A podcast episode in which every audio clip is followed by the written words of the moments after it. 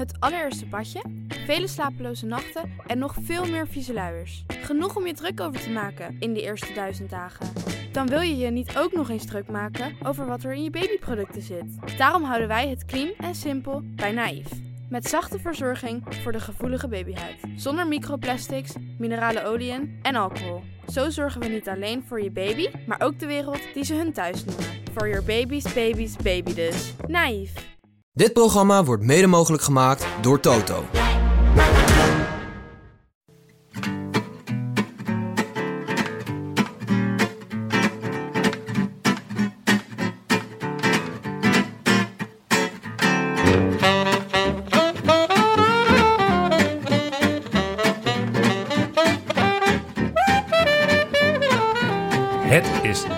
30 november 2022 en live vanuit de Piddeleur de Vlaanders in Gent is dit de Rode Lantaarn.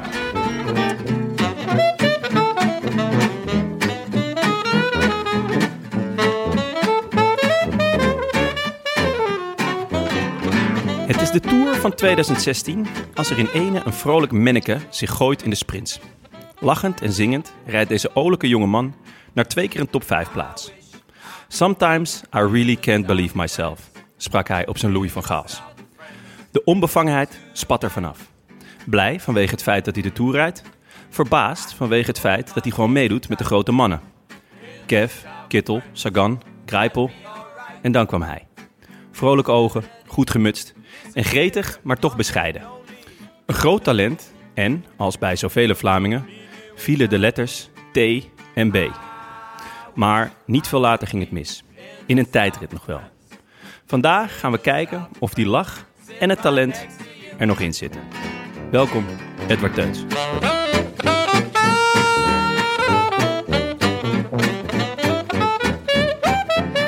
Weet je waar de letters T en B voor staan? Eh, Topsport Vlaanderen Balwazen. Nee. nee, Ja, ook, ook Weet jij het? ja, Tom Bonen denk ik. Tom Bonen, ja. Ah. De, de vloek van elke Vlaming. Dat eh, die snel kan aankomen. En eh, goed, eh, goed is in de klassiekers, maar ook een massasprint kan rijden. Of eh, zie je dat niet als een vloek? Ik eh, denk niet dat ik ooit eh, de nieuwe Tom Bonen genoemd ben. Of ik heb het toch eh, ik heb het genegeerd als ik het gehoord heb. Ik zag wat voor. Tegenwoordig is het toch allemaal Wout van Aert. dus, eh, Ja, dat is wel waar. Dat snap ik ook. Maar goed, dit was 2016, hè? Dus eh, dat is Ja. eh, alweer een tijd lang, geleden. lang, lang geleden. Ja, lang geleden. Hoe is het met je? Ja, goed, goed. Goed, ja? Eh, Off-season? Of ben je alweer... Ja, terug Lekker aan het trainen, maar opbouwen, eh, genoten van de off-season. Dus, eh, Ja? dus het, was, het was plezant, maar eh, terug aan het werken. Hoe, hoe lang is die off-season voor jou? Ik heb een maand eh, niet gefietst. Maar ik had eh, de indruk dat eh, als ik zo de andere collega's bekeek op Strava en dit en dat, had ik de indruk dat die maand toch lang was. ja. Ja, voel je die druk? Bah, die druk is veel gezegd, maar ja, automatisch kijk je wel een beetje wat dat anderen al aan het doen zijn. Dus, maar ik heb geprobeerd om me daar een beetje los van te, te zetten en op, mijn, eh, op mijn moment eh, te beginnen. En ik vind ook wel eigenlijk, eh, ik vind de, de rust eigenlijk belangrijk in, in de off-season. Ik denk dat dat echt nodig is. Zeker tegenwoordig in, in het wielrennen is alles zo ja, moet je er mentaal zoveel in leggen. Dat denk ik een maandje even een beetje rust en de riem eraf en een beetje bezig zijn met andere dingen, dat dat wel belangrijk is, ook richting komend seizoen. Dus, eh. Wat heb je gedaan dan? Om de riem eraf te halen? Ehm, op reis geweest. Ehm, Waar naartoe? Oman. Ah. Eerst, eerst naar Amerika geweest met de L2 Team meeting bij Trek. Eh was op zich ook wel eh, plezant. Dus dat was een beetje het begin van mijn off-season. Jullie doen altijd leuke dingen hè, met Trek, heb ik het idee. Ja, superleuk. Wat hebben jullie nu gedaan? Onder andere ijshockey gespeeld. Ik zag wat voorbij komen, oh ja. Ja, dus... eh, Is dat verantwoord? ehm, Of zijn er gewonden gevallen? Nee, er zijn geen gewonden gevallen. ehm, maar eh, er was wel een beetje afgesproken dat het eh, maar niet te veel lichaams, ruw lichaamscontact mocht zijn. Eh, nee, maar we worden daar supergoed ontvangen in, in, in het bedrijf van... Allee, het hoofdkwartier van Trek. En, eh, Zaten er nog ijshockeytalenten bij? Ja, zeker. Ja, wie dan? Eh, Quinn Simmons eh, ja, speelde ja, ja. heel goed. eh Toms Skuins. Oh ja, tuurlijk, ja. Lipins, maar ja, dat is een beetje omdat dat bij die mannen in hun land is dat een beetje de nationale sport. Dus Ja. zij hebben dat vroeger ook al bij, als kleine jongen gespeeld. Voor de rest, ja, is het... Ik denk niet dat ons niveau goed genoeg is om echt een, een deftige ijshockeymatch te krijgen, maar het is wel leuk om te... Hey, was- en, en, en, en- en Lopez, die schaatsen tussen ieders benen door. Lopez, het, was, het was grappig. Die zag voor het eerst ijs.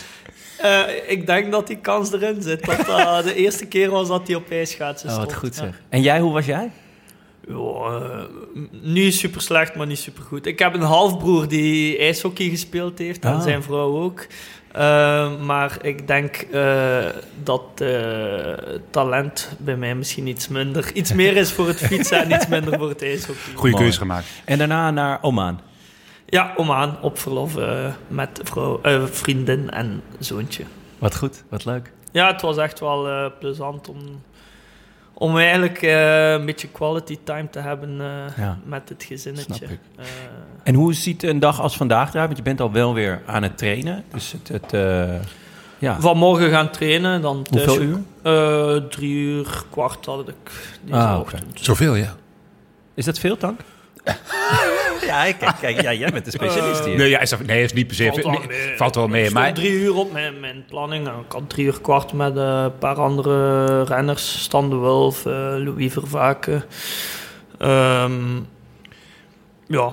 Zijn dat vaste Ja. trainingsmaatjes? Eh, we hebben een, een, eh, een groep, een, een trainingsgroep. Hoe heet die? De Gentse Connectie. Ah, nice. Eh, maar denk ik eh 15, 16. Ja, er zijn, er zijn profrenners bij, maar er zitten ook uh, amateurfietsers bij. Maar wel goed Goeie. niveau, Ja, dus, ja. dus eh, zeker goed genoeg om samen te trainen. En eh, ja, eh, meestal vinden we wel iemand die, eh, die mee op pad gaat. Trainen, trainen jullie echt veel, veel samen in die, in die Gentse connectie? Is dat echt samen afspreken, zeg maar, elke dag tien uur uh, vertrekken? Of, of is het... Niet elke dag, maar eigenlijk bijvoorbeeld... Uh, S'avonds in de groep sturen, morgen doe ik drie uur. Uh, en dan zien wie een beetje min of meer hetzelfde schema kan hebben en dan afspreken. Maar liever wel samen? Uh, ja, ik, ik rij wel liefst samen. Ja. Ja? Zeker Ah. nu zo in de winterperiode uh, zijn het vaak basistrainingen. En, en dan is het toch plezanter als je de uurtjes kunt doden. Ja. Dat is best anders. uitzonderlijk volgens mij. Want ja. uh, het wordt steeds, althans wat ik eraan merk in de specials die we maken, dat het toch wel wat individueler wordt allemaal. Ja. Uh, omdat iedereen heel specifiek zijn ja. eigen blokjes heeft, zijn eigen trainingsprogramma. Maar uh, je ja. zoekt gewoon altijd iemand uh, die ja, ongeveer hetzelfde... We, we, proberen dat dan wel wat aan te passen. Als iemand dan zijn uh, blokken moet doen... Leuk. Rij maar even door. En, uh, Doe jij je blokjes maar en hem uitlachen. Ja, ja leuk. Uh, nog even over de plek. We zitten hier bij Pedaleur. Schitterend. Kom je hier vaker? Nee, eerste keer. maar hier op de hoek kom je wel vaker? Op de hoek uh, ben ik de voorbije week wel uh, een aantal keren geweest. In het, uh, en waarom? Wat is daar? Het is het café van de vader van Ilio Keijsen. En de Zesdaagse is hier ook enkel, ik denk 100 meter vandaan. Dus dan naar de koers gaan kijken en daarna nog iets gaan drinken. Lekker? Ja. Is het laat geworden? af en toe, ja. Ja? en wie doet dan het licht uit? Uh, de cafébaas, Ronnie. Mooi. Ja, ik ben nog nooit. Ben jij was geweest? Nee. Ja, Bram, straks even, bier, even biertje. Even voor de luisteraar trouwens. Bram, jij bent er ook. Wat, uh, mijn, mijn, hadden mensen natuurlijk al gemerkt, maar het is toch goed om even te benoemen. Goed dat je er weer bent. Uh, je hebt weer, wederom de vrije rol vandaag. Ja. Uh, dus als jij een, een, vraag of iets hebt, gooi hem erin. Uh, we gaan zo meteen um, naar uh, de, de korte vraag om je iets beter te leren kennen. Uh, maar we hebben een sponsor. Oh. Dank. Ja, dank. Ja, ja, ja. Het, voor niks gaat de zon op. Weet je, die, die, die ritjes van jou moeten ook betaald worden. En, maar we hebben echt een heerlijke sponsor. Raad eens wat voor boxshort ik aan heb, Dank. Ja, oh ja, dat kan ik wel raden natuurlijk. Ja, ik luister wel eens die podcast. Ja. Ja, ja, ja. ja. Bamigo. Ah, Bamigo. Lekker zacht, jongen. Moet je ook hebben. Dat is van bamboe, toch? Ja, dat is van bamboe. ja. ja. van bamboe gemaakt. Ja, dat is echt... Het is... Uh, nou ja, ik heb eh, t-shirts inmiddels ook van bamboe. En boxershorts van bamboe. Maar ze hebben dus ook sokken, joggingbroeken. Nou ja, hè, moet je net papa hebben. Fietsen, En, eh, fiets, hebben ze ook fietsen van bamboe? Nee joh. dat, dat zou heel, heel vet zijn. Misschien is dat wel de... Bestaat, hè? Ja, klopt ja. Ja. Nou, Dat is misschien... een beetje mooi, de boxershorts. Ja, Ja, laat zien. Ah, Eh, laat zien. Ze zijn echt heel mooi. Ga je toch niet... Ik kan hier toch niet zomaar mijn broek naar beneden trekken? wel? Jawel. De, de, de luisteraars zien het niet. Nee, maar ik kan ze, eh, ze zijn echt schitterend. En ze zitten dus heel lekker. Ze zijn super zacht. Ehm, eh, ze zijn eh, gemaakt van zelfontwikkeld bamboetextiel. Het blijft zacht, ook na het wassen. Eh, dus je hebt nooit meer van die stijve kleding. Hè? Want je wil wel dat... Nou ja, goed. Hè? Ehm, het, het is ademend en warm. Eh, het heeft een unieke eigenschap dat het adem, ademend is. Maar toch houdt het je warm. Ehm, en eh, als je nu je eerste order plaatst... krijg je 25% korting op bamigo.com. Exclusief voor de luisteraars van de Roland Taarn... met de code WIEL25. Nou, hè? Dank. Doen, ja. Ja, toch? ja. Ik zal je, ik zal je een setje opsturen. En Je er vallen, geen, er vallen geen gaten in en zo. eh, Nee, joh. Na Nee. Het is niet het eh, peloton. Nee, het is, het is gewoon eh, het is waterdicht, jongen. Nee, het is echt goed. Ehm, terug naar de podcast. Eh, wij hebben altijd een, een, eh, rubriek persoonlijk. Dat komt uit een eh, voetbaltijdschrift. Het zal jou verder niet, eh, niet boeien. Maar ehm, als jij nou een nummer noemt, dan eh, stel ik de vraag: een nummer tussen 1, 1 tot met 10. Acht. Uitgaan. Hebben we het net al even over gehad. Eh, ga, je, ga je wel eens uit? Ehm, ja, maar veel minder als vroeger sinds ik papa geworden ben. Ja, maar hoe lang ben je, ben je al vader? Eh, Scott is nu één jaar en twee maanden. nou, dan dus, zie je er eh, nog fit uit. Ja, eh, mijn vriendin eh, neemt veel op zich. Ja? Ik doe ook wel mijn deel, zeker in, in de off-season eh, heb ik wel eh, geprobeerd om, om eens eh, mijn vriendin wat meer rust te geven en, Ja. en zelf wat, wat in te springen waar dat kon. En ik vond het ook wel leuk en belangrijk om dat te doen, omdat uiteindelijk ben je toch de vader en Ah, verantwoordelijk eh, daarvoor. Ehm, maar ja, uitgaan eigenlijk met, met de zesdaagse die, die geweest is hier in Gent is voor ons altijd een, een, ja, een week waarin dat we wel regelmatig gaan kijken naar de zesdaagse. De sfeer opsnuiven en dan soms achteraf. eh, Er wordt een hoop bier gedronken, toch? Op de zesdaagse. ja, ik denk het wel, ja. Ja. En dan was er dit jaar ook nog het afscheid van Nilo Keijsen de week daarna. Dus dat was De grande, een, eh, de grande monsieur. ja, dat was ook een, een leuke gelegenheid om eh, nog eens door te zakken. En, Met wie ben je doorgezakt? Ja, met, eh, Jongens uit peloton? met eh, de man himself onder andere. Ja? Ja, nee, we hebben hier in de, in de Karper eh, Ja, nog, eh, nog wel iets gedronken. Dus eh, leuk. het, was, het was zeer leuk. Ben je, ben je zelf een eh vervent bier drinken? Of? Eh, niet per se, maar we, we hebben ook... Afgelopen weekend was eigenlijk, denk ik, een beetje de laatste keer dat ik nog eens uitging. Eh, we, zijn, we hadden mountainbike weekend met de Gentse Connectie. Oh, Eh, zaterdag van Herk de stad naar Maastricht. Eh Ties Benoot had alles geregeld. Dus Leuk. het was eh, perfect in elkaar Ah. gestoken. Daar eh, iets gegeten, iets gaan drinken en dan de volgende dag terug, maar me- met een kortere route. Ehm, dus ja, het was superleuk. eh maar eh, leuk. Wie waren er allemaal bij? eh, ja, we Benoot waren is? met, eh met 14 man. Dus Zo. eh, Stan de Wulf, eh, ja, Dimitri Klaes, Nicolas Maas. ehm, ja, En dat zijn allemaal jongens uit het Gentse. ja, Wat leuk, klopt. wat goed. Ja, ja, ja. En dan wordt er gewoon eh bier gedronken. Wordt ook gedanst? Er is gedanst geweest, Wie ja. heeft, wie heeft de beste moves? Ik moet het weten. Goh, eh, Je mag ook Niet jezelf hè? je mag jezelf noemen. Ja, je, je mag jezelf noemen. ik dans wel graag, dus, maar ik durf niet, niet zeggen dat ik de beste moves heb. ja, het, het blijft toch een beetje uitgaan en het ziet er toch altijd wel... wat- Ja. Iedereen denkt dat hij goed bezig is, maar als je, als je dan kijkt, dan, dan ja, ziet het er altijd wel wat lullig uit. Die filmpjes eh, de, dag de day after. Ik, toevallig afgelopen weekend ook weer eens dansen. En toen dacht ik, Oh? oh, ik was echt supergoed bezig. Ik kijk die dag erop die filmpjes en denk ik echt, jongen, gast. Wat ben je aan het doen, man? Waar ben je geweest dan? Eh Kathmandu. Kathmandu. Kathmandu. Kathmandu. Kathma- Kathmandu. Wat is dat? Wat- Nepal. jij zat gewoon stonden in Nepal Ja, we natuurlijk. stonden in Nepal, ja. Met Tom ook natuurlijk. Ja, ook. En heeft hij ook gedanst? Ja, jongen, die ging Ja? helemaal los. Eh, ja. Had hij, had hij betere moves dan jij? Wees eerlijk. Nee, denk niet beter. Zeker niet beter. Maar het zag er waarschijnlijk wel beter uit. Maar met Mooi. een totaalplaatje te maken. Ehm, volgende, volgende cijfer. Eh, drie. Opleiding. Zowel school als wielrennen.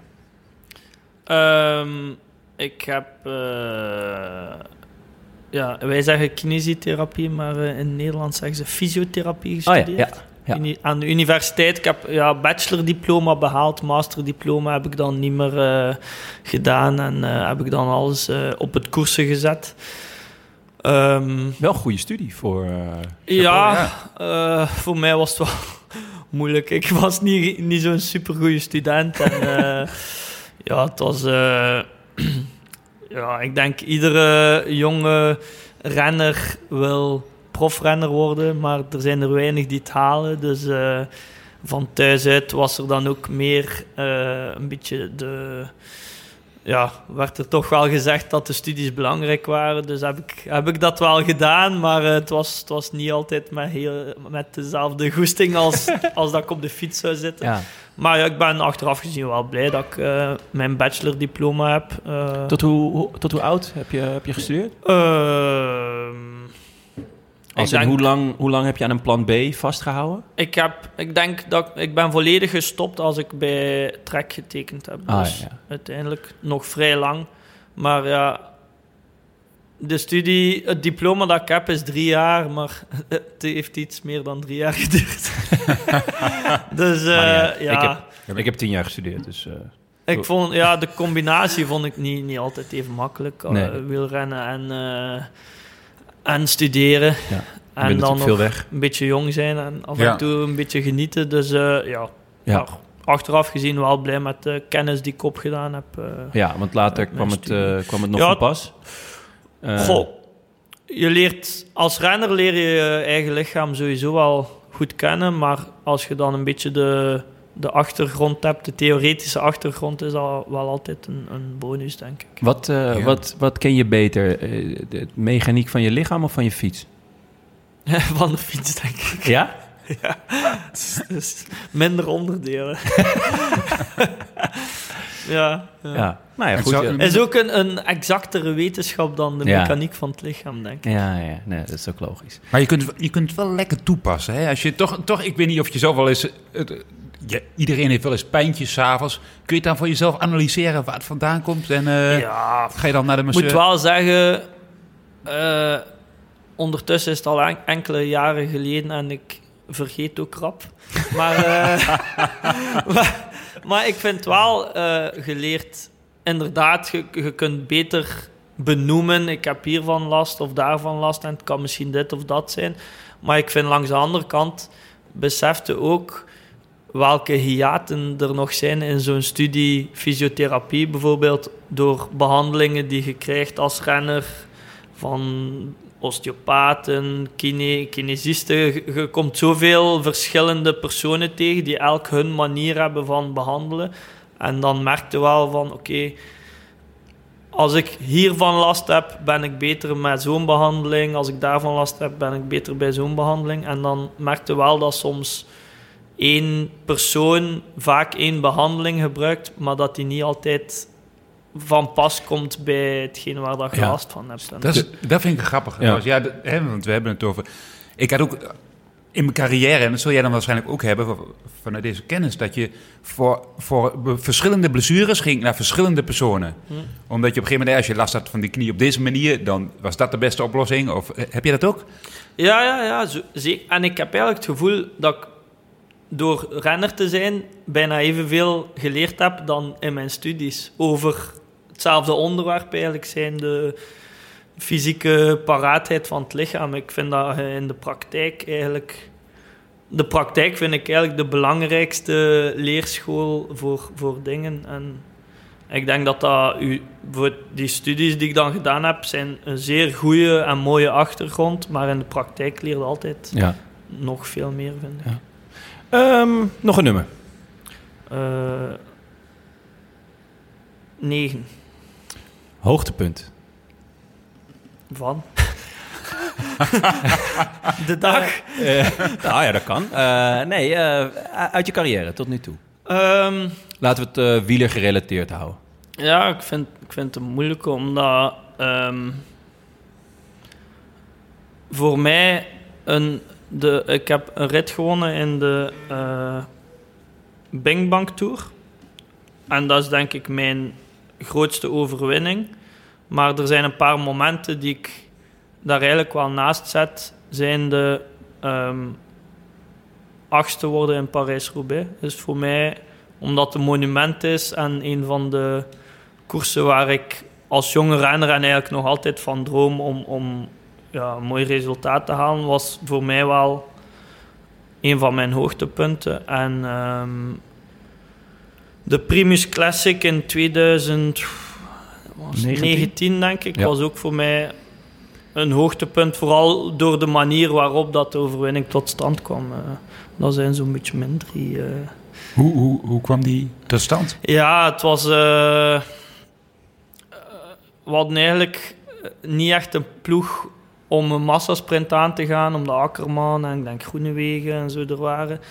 En uh, Steven had gezegd, uh, Steven de Jong zei van ja, in die laatste kilometers is er misschien wel iets mogelijk met een late aanval. En, uh, en Jasper en ik en Mats zaten al drie nog in uitgedund peloton. En uh, ik, ik, weet nog dat Jasper naar mij kwam van, ja, voelde jij je nog goed om te sprinten? En ik had zoiets van, ja, eigenlijk niet. Ja, ik zit op de limiet. En hij, ja, en hij ging, hij demareerde, ik denk op kilometer of 6, 7, 8 van de meet, zoiets.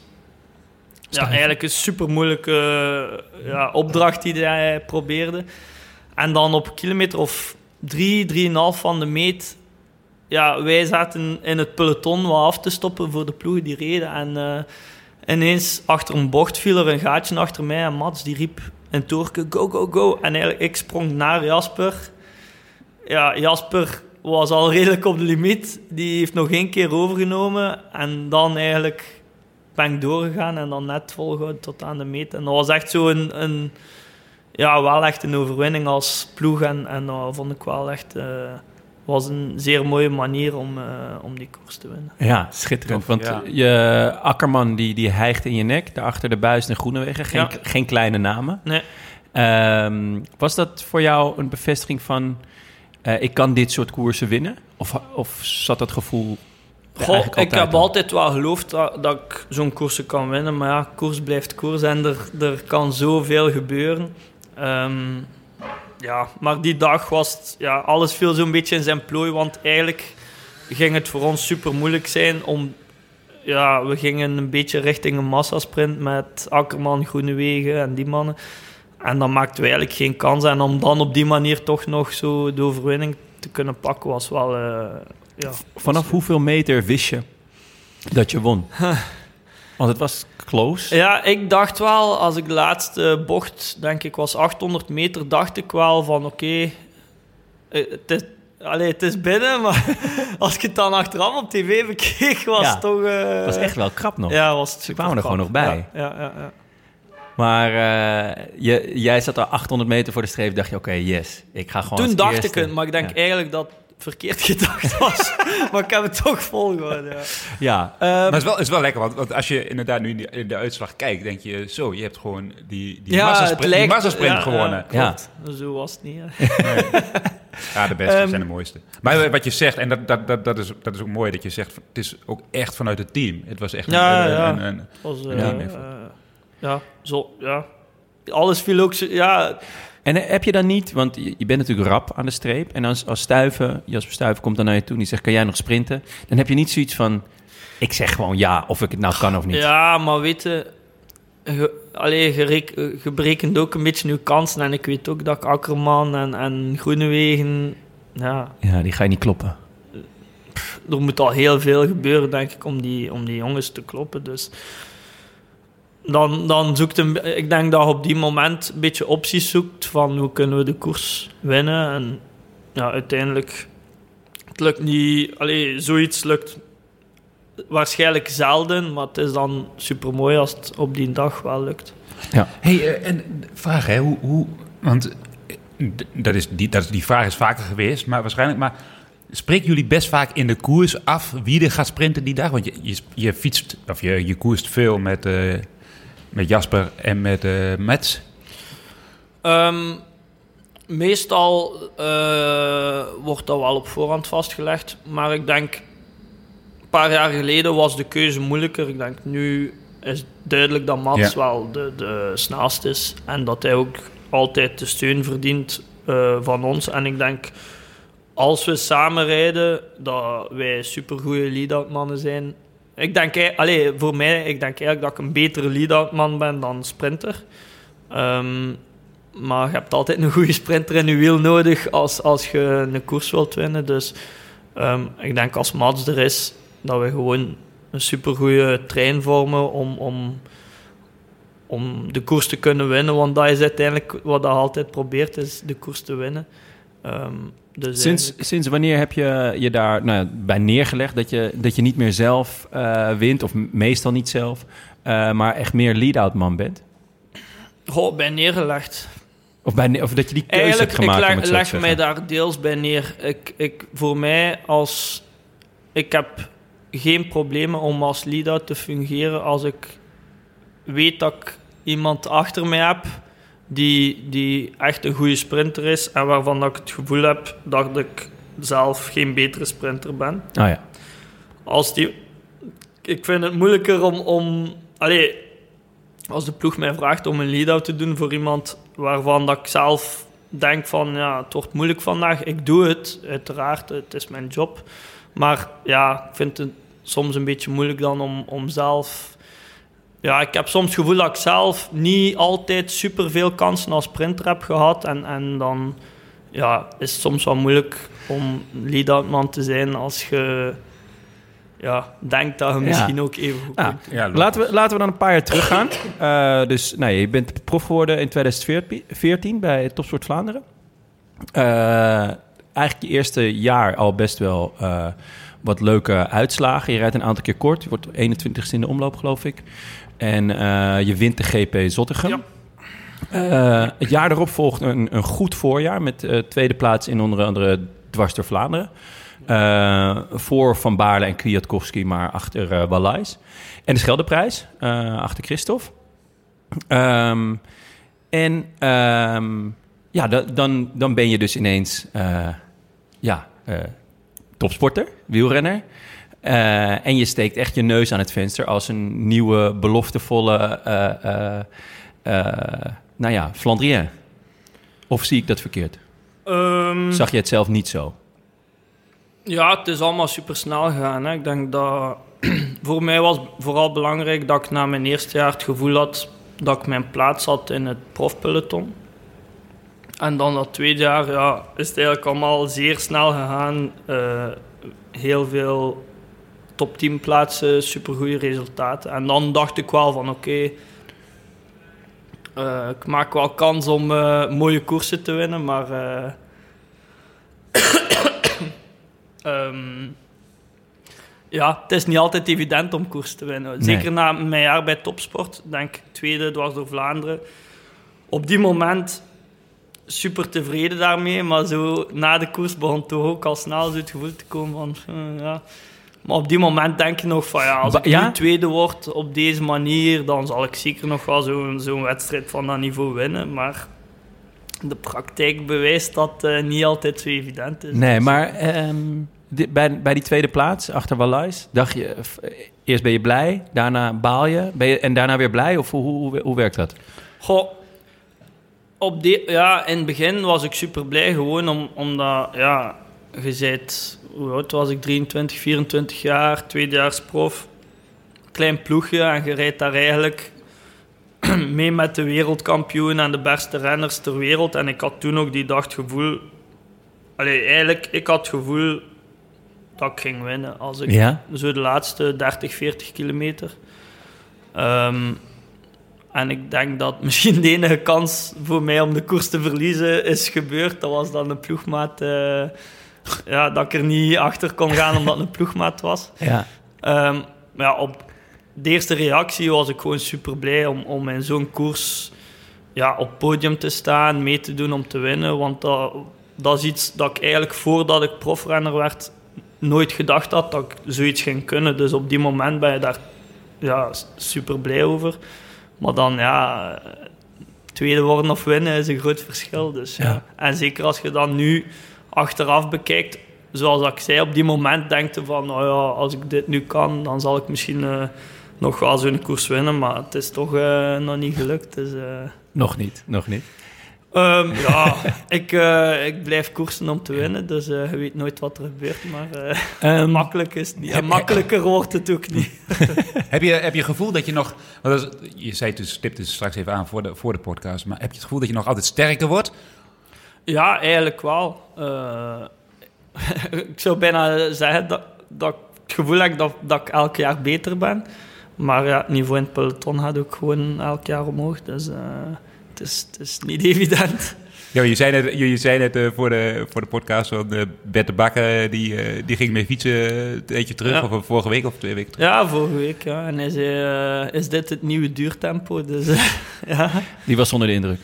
Ja, onder de indruk. Ik denk dat hij gewoon een beetje... Ja, er, er wordt gewoon goed doorgereden. En ik merk dat eigenlijk ook zelf nu. Ik heb het gevoel, vorige winters, dat, dat ik bij de opstart van de trainingen meer moeite had om, om zo mijn tempo te rijden, om, om op die lange trainingen makkelijk te doorstaan. Terwijl ik dit, dit jaar eigenlijk het gevoel heb terug beginnen trainen en direct eigenlijk vrij hoog tempo en de langere ritten ook goed verteren. Dus. Nou, dat is wel lekker. Ehm, 2015, ik wil nog e- heel even terug naar dat voorjaar. Want er wordt de, i- ja, in mijn, in mijn ogen mooiste koers ooit gereden. En daarin word jij elfde. Ja. Gent-Wevergem. Ja. Eh, dat is een koers die ik nog wel eens in zijn geheel terugkijk. Eh, als ik eh, in, in deze wielerloze maanden. Heb, jij, Eh, heb jij hem nog wel eens teruggekeken? Nee, enkele fragmenten misschien, maar niet, niet volledig als. eh, Tank, je hebt hem ook gereden. Ja, ik heb hem ook gegeven. Ik heb hem ook nog nooit teruggekeken. Nog nooit terug. Hij staat helemaal op YouTube. Echt schitterend. Echt een feest om te kijken. Kan het iedereen aanraden. Ehm, hoe, hoe herinner jij die koers? Oh, ik vond een su- superleuke koers. Ja? Ja, hou je, hou je was- van dat, dat weer, de eh, wind, regen, ellende? Goh, eh, van houden is veel gezegd, maar ja, het, het scheidt wel een beetje eh, het kaf van de koren, eh, zoals ze Ja. zeggen. Ehm, ja, wa sowieso waaierrijden is denk ik iets dat ik goed kan en bij gevolg ook wel graag doe. Ehm, en eigenlijk, ja, het was, eh, als, vooral als je dan achteraf bekijkt, de verhalen die eruit komen, hoe, hoeveel renners er maar de finish gehaald hebben, dan is dat leuk om... om Heb jij de finish gehaald, Tank? Ja, zeker. Hoeveel ben je geworden? Dat weet ik niet. Ik dat ik, ik, ik, denk dat ik laat- ik heb top toen- 35, want Ja, denk ja. er 35 eh Ja. gefinished Ik, zijn. ik, weet dat ik met Chalingi tot de laatste kilometers op kop heb gereden voor Sepp. eh, Voor Van Marken. eh, voor Van Marken. Ah, wat leuk, ja. Ja, en eh, ja. ja, wat jij ook zegt, en dat is grappig, want dat soort koersen blijven je bij inderdaad. Maar met name om de verhalen. Want dat, Mm. Die koers had gewoon 300 verhalen in één koers. Dat, eh, elke, elke 10 kilometer gebeurde er wel wat. Ja, Ja, heerlijk, Dat was ja. wel een mooie koers. Ja, en dan gewoon elfde worden. Ja, ja, ik vond toen jammer dat het net geen Net geen top was. 10, ja. Ehm, maar ik weet nog dat Walter Plankaart was toen super trots. Want ik denk dat ik en Oliver Naassen toen nog overbleven van Topsport Vlaanderen in, in het pelotonnetje dat er Ja. nog was. En eh, eigenlijk, ik, ik weet nog, Oliver en ik na de koers, we hadden het gevoel van, ja, we zijn niet kapot. Nee. En Plankaart was super trots van, ah, de mannetjes, eh, ze zijn zelfs niet kapot. Dat zijn de mannen die we nodig hebben. En, Ja? ja, dat is, eh, allee, dat is wel leuk op die moment. En Ik Ja. weet ook nog, dat was toen echt... Dat was echt een leuke ploeg op die moment. Met Naasten, Tim de Klerk eh, eh, hadden we echt een supergoeie groep. En amuseerden we ons overal en we reden goed. Dus dat, op die moment gaat alles zo vanzelf. hè. Als je, dan terugkijkt, eh, en vooral uit die tijd zijn er echt veel goede, veel goede renners uit voortgekomen. Ja, ik denk als je die mannen samenbrengt in eh, een ploeg, dat je een, een zeer mooi ploegje hebt. Ja, Ja, zeker, ja. Eh, maar jij maakt een... eh, eigenlijk na dit, eh, na dit jaar maak jij een, de overstap naar Trek. Ehm, hoe, hoe ging dat? Hoe, eh, eh, ja, hoe... wo- Word je gewoon opgebeld? Eh, had je een manager? Ehm, Eh, komt er iemand, komt Cancellara naast je rijden en zegt van... Hé, hey, eh, Edward, wat zeg je nee, ervan? ik had eh, een manager die eh, zeer goed werk doet. eh. Eh, zit nee, ja, sowieso een manager die, die... Ik denk dat hij altijd een beetje werkt, maar we, we kijken welke ploegen geïnteresseerd zijn, welke ploegen niet geïnteresseerd zijn, welke ploegen ik in geïnteresseerd ben. En dan denk ik, ja, is het zijn job om de markt een beetje af te speuren. En sowieso, denk ik, met meer gesprekken te hebben, wordt, eh, Ja, de, worden de aantal geïnteresseerden altijd wat kleiner. En dan blijft er maar waarschijnlijk een paar ploegen over die echt geïnteresseerd zijn. En dan, ja. Je had net over dat die, die kern bij eh Topsport Vlaanderen zo leuk was, zo gezellig, dat je echt plezier had met elkaar. Dat gevoel heb ik bij Trek ook. Ehm, Eh, of is dat... eh, Het leunt er tegenaan, maar ik denk dat het nooit hetzelfde gaat zijn als, als toen. Omdat, ja, dat is zo'n unieke situatie eigenlijk. Je zit met eh, allemaal jonge renners, zelfde, afkomstig uit dezelfde regio, spreken dezelfde taal. En allemaal een beetje met hetzelfde doel. Hè. Eh, wij zijn de kleine coureurs en we proberen een stap hoger op te maken. En ja, dat, dat was wel... ja, dat was een leuke sfeer, hè. ja, En dan een paar ple- pleziermakers zoals eh, de Klerk en Lampaard. En, ja, ja. Ehm, je eerste voorjaar bij eh, Trek is eigenlijk heel goed, toch? Ja, ja. Eh, je wordt twee keer achtste in, achtste in het openingsweekend. Podium in uh, dwars door Vlaanderen. Eh, vierde in de Scheldeprijs. Maar ook eh, in Parijs-Nice word je tweede in de massasprint achter Bouhanni, geloof ik. ja. En ook een keer, eh, denk op 100 meter van de meet teruggepakt. Ja, klopt. Ja. Dat was twee etappes eerder of zoiets. E- eerste of tweede, Ja. denk ik. Ja. Ehm, wat voor renner was je toen? Want eh, dit, nou ja, vierde in de Scheldeprijs en tweede in een massasprint. Dat is, ja, dat is toch ook wel rap? Ja, ik denk dat ik... eh, ja, ik denk nooit dat ik... Ik ben nooit een pure sprinter geweest, maar... Ja, sprinten... Er komt veel bij kijken bij sprinten, positionering... eh, ja, goed zijn in de laatste drie, vier kilometer. eh, en, en ik denk dat ik veel dingen heb van, van... Ik ben niet de traagste, zeker niet, maar ik ben ook niet super explosief. En ik denk in de iets langere sprints dat ik daar goed tot mijn recht kwam. Nu misschien ja, wordt het... Ik denk dat sprinten nog meer gespecialiseerd wordt. Dus het wordt nog iets moeilijker om als niet-sprinter pur sang tussen de sprinters te staan. Want als, als wat voor renner werd je binnengehaald bij Trek? Weet je dat nog? Zeiden ze van, hey, Voor we, de klassiekers wel. de klassiekers, ja? Ja. Dus ze, en, en ze zeiden van, wat je in de massasprint erbij doet, is mooi meegenomen. Of Goh. werkt het zo niet? Daar hebben we eigenlijk nooit echt over gebabbeld, maar ik denk dat, dat het algemene doel wel de klassiekers was. Dirk de Mol zat toen ook nog bij, eh, bij de ploeg en ik denk dat hij ook wel een beetje met oog op de klassiekers mij er toen bij genomen heeft. Ja, maar je, ga, je gaat die zomer ga je mee naar de Tour. Eigenlijk toch als, als eerste sprinter, toch? Ja, ja, Je wordt ook twee keer vijfde en één keer achtste. ja. ja. Dus- Ehm, Eh, ga je dan in je hoofd ineens anders denken van... goh, misschien moet, moet ik me daar maar... maar ik, had mij, ik zag mij altijd wel als allee, klassieker renner, maar ook ik, vond, ik heb altijd goed geweest in, in de sprints. Ehm, ja, ik zag mij nooit echt als pure sprinter, maar ik wou wel altijd de sprints rijden. Oh. Omdat ik wist dat ik, eh, dat ik wel goede resultaten kon halen in de sprints. Ehm, dus ja, dat was wel superleuk om, om naar de Tour te gaan ja, als sprinter is veel gezegd. Want ik denk dat we toen, als ik me goed herinner, Jasper en ik reden allebei onze eerste tour. En ik denk dat zo'n beetje de bedoeling was dat voor de vlakkere sprints dat ik mocht gaan en de iets lastigere sprints dat Jasper dan. eh, Ah, ja, dus toch, toch weer die, die verdeling waar we het net ook ja, over hadden. Maar ja, toen waren we zelf eigenlijk ook nog wat. Ja, de eerste tour, je bent nog alles wat aan het ontdekken. En, en eigenlijk jezelf als renner soms ook nog wat aan het ontdekken. Dus ja. Ben je, ben je toen ook anders gaan voorbereiden op, op de Tour? Zeg maar, je, je had voor jezelf meer het gevoel dat je klassieke renner was, maar je ging ineens toch voor die sprints en met name ook dan de vlakke sprints. Dat vraagt een... eh, Ik heb daar eigenlijk nooit bij stilgestaan. Ik heb, ben ook, denk ik, redelijk laat aan de tourselectie toegevoegd. Want dat stond nooit op mijn planning. En ik denk dat ze daar pas na de Dauphiné gezegd hebben van... Ah, we hebben nu, nu toegevoegd aan de longlist voor de Tour. Dus op zich was dat toen... Ja, Terwijl de Dauphiné had je niet heel denderend... ja ik was wel goed toen in de Dauphiné. Maar ja, de Dauphiné is veel Ja, klimmen. ja, dus- ja. ja. maar ze zagen wel dat ik dat goed overleefde. En ik denk dat ik dan in de Ronde van België wel een rit won. eh, in de massasprint. Ja. Ehm, dus ik denk dat ze zoiets hadden van ja, hij, hij rijdt supergoed en hij klimt ook wel goed, wat dat in Tour ook wel belangrijk is om te overleven. En dat ze dan ja, misschien een beetje bij gebrek aan...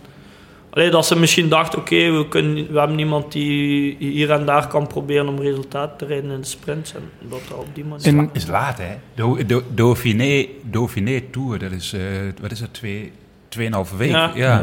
De- Ja, op die moment, ja. Je bent nog zo jong en, Ja. en alles komt zo al vanzelf en alles wat op je afkomt is goed. Op die moment, ja. Was de Tour rijden een droom die Ja, uitkwam? Ja? sowieso. sowieso. Ja. Eh, en ja, toen, ik, ik heb de eerste dag dan nog de witte trui gepakt. Dat Ja. was allemaal voor mij echt wel... Dat is Alles. iets waar dat ik nog altijd Alles. ook super trots op Ja. ben. Die, die witte trui hangt bij mij thuis in de Ja. woonkamer. Dus eh, ik denk wel dat dat iets uniek is om, om ja, als jonge renner toch een keer op het podium in de Tour te mogen en zo. Dus dat is wel... eh, ja, En nog heel even over de hiërarchie. Want de, nou, de hiërarchie dus in de, in de sprints is, eh, heb ik nu wel duidelijk. Maar in de klassieke kern had je natuurlijk Cancellara. Ehm, ik neem aan dan een hele tijd niks. En dan een beetje de jonge garde met jou en, en Stuiven.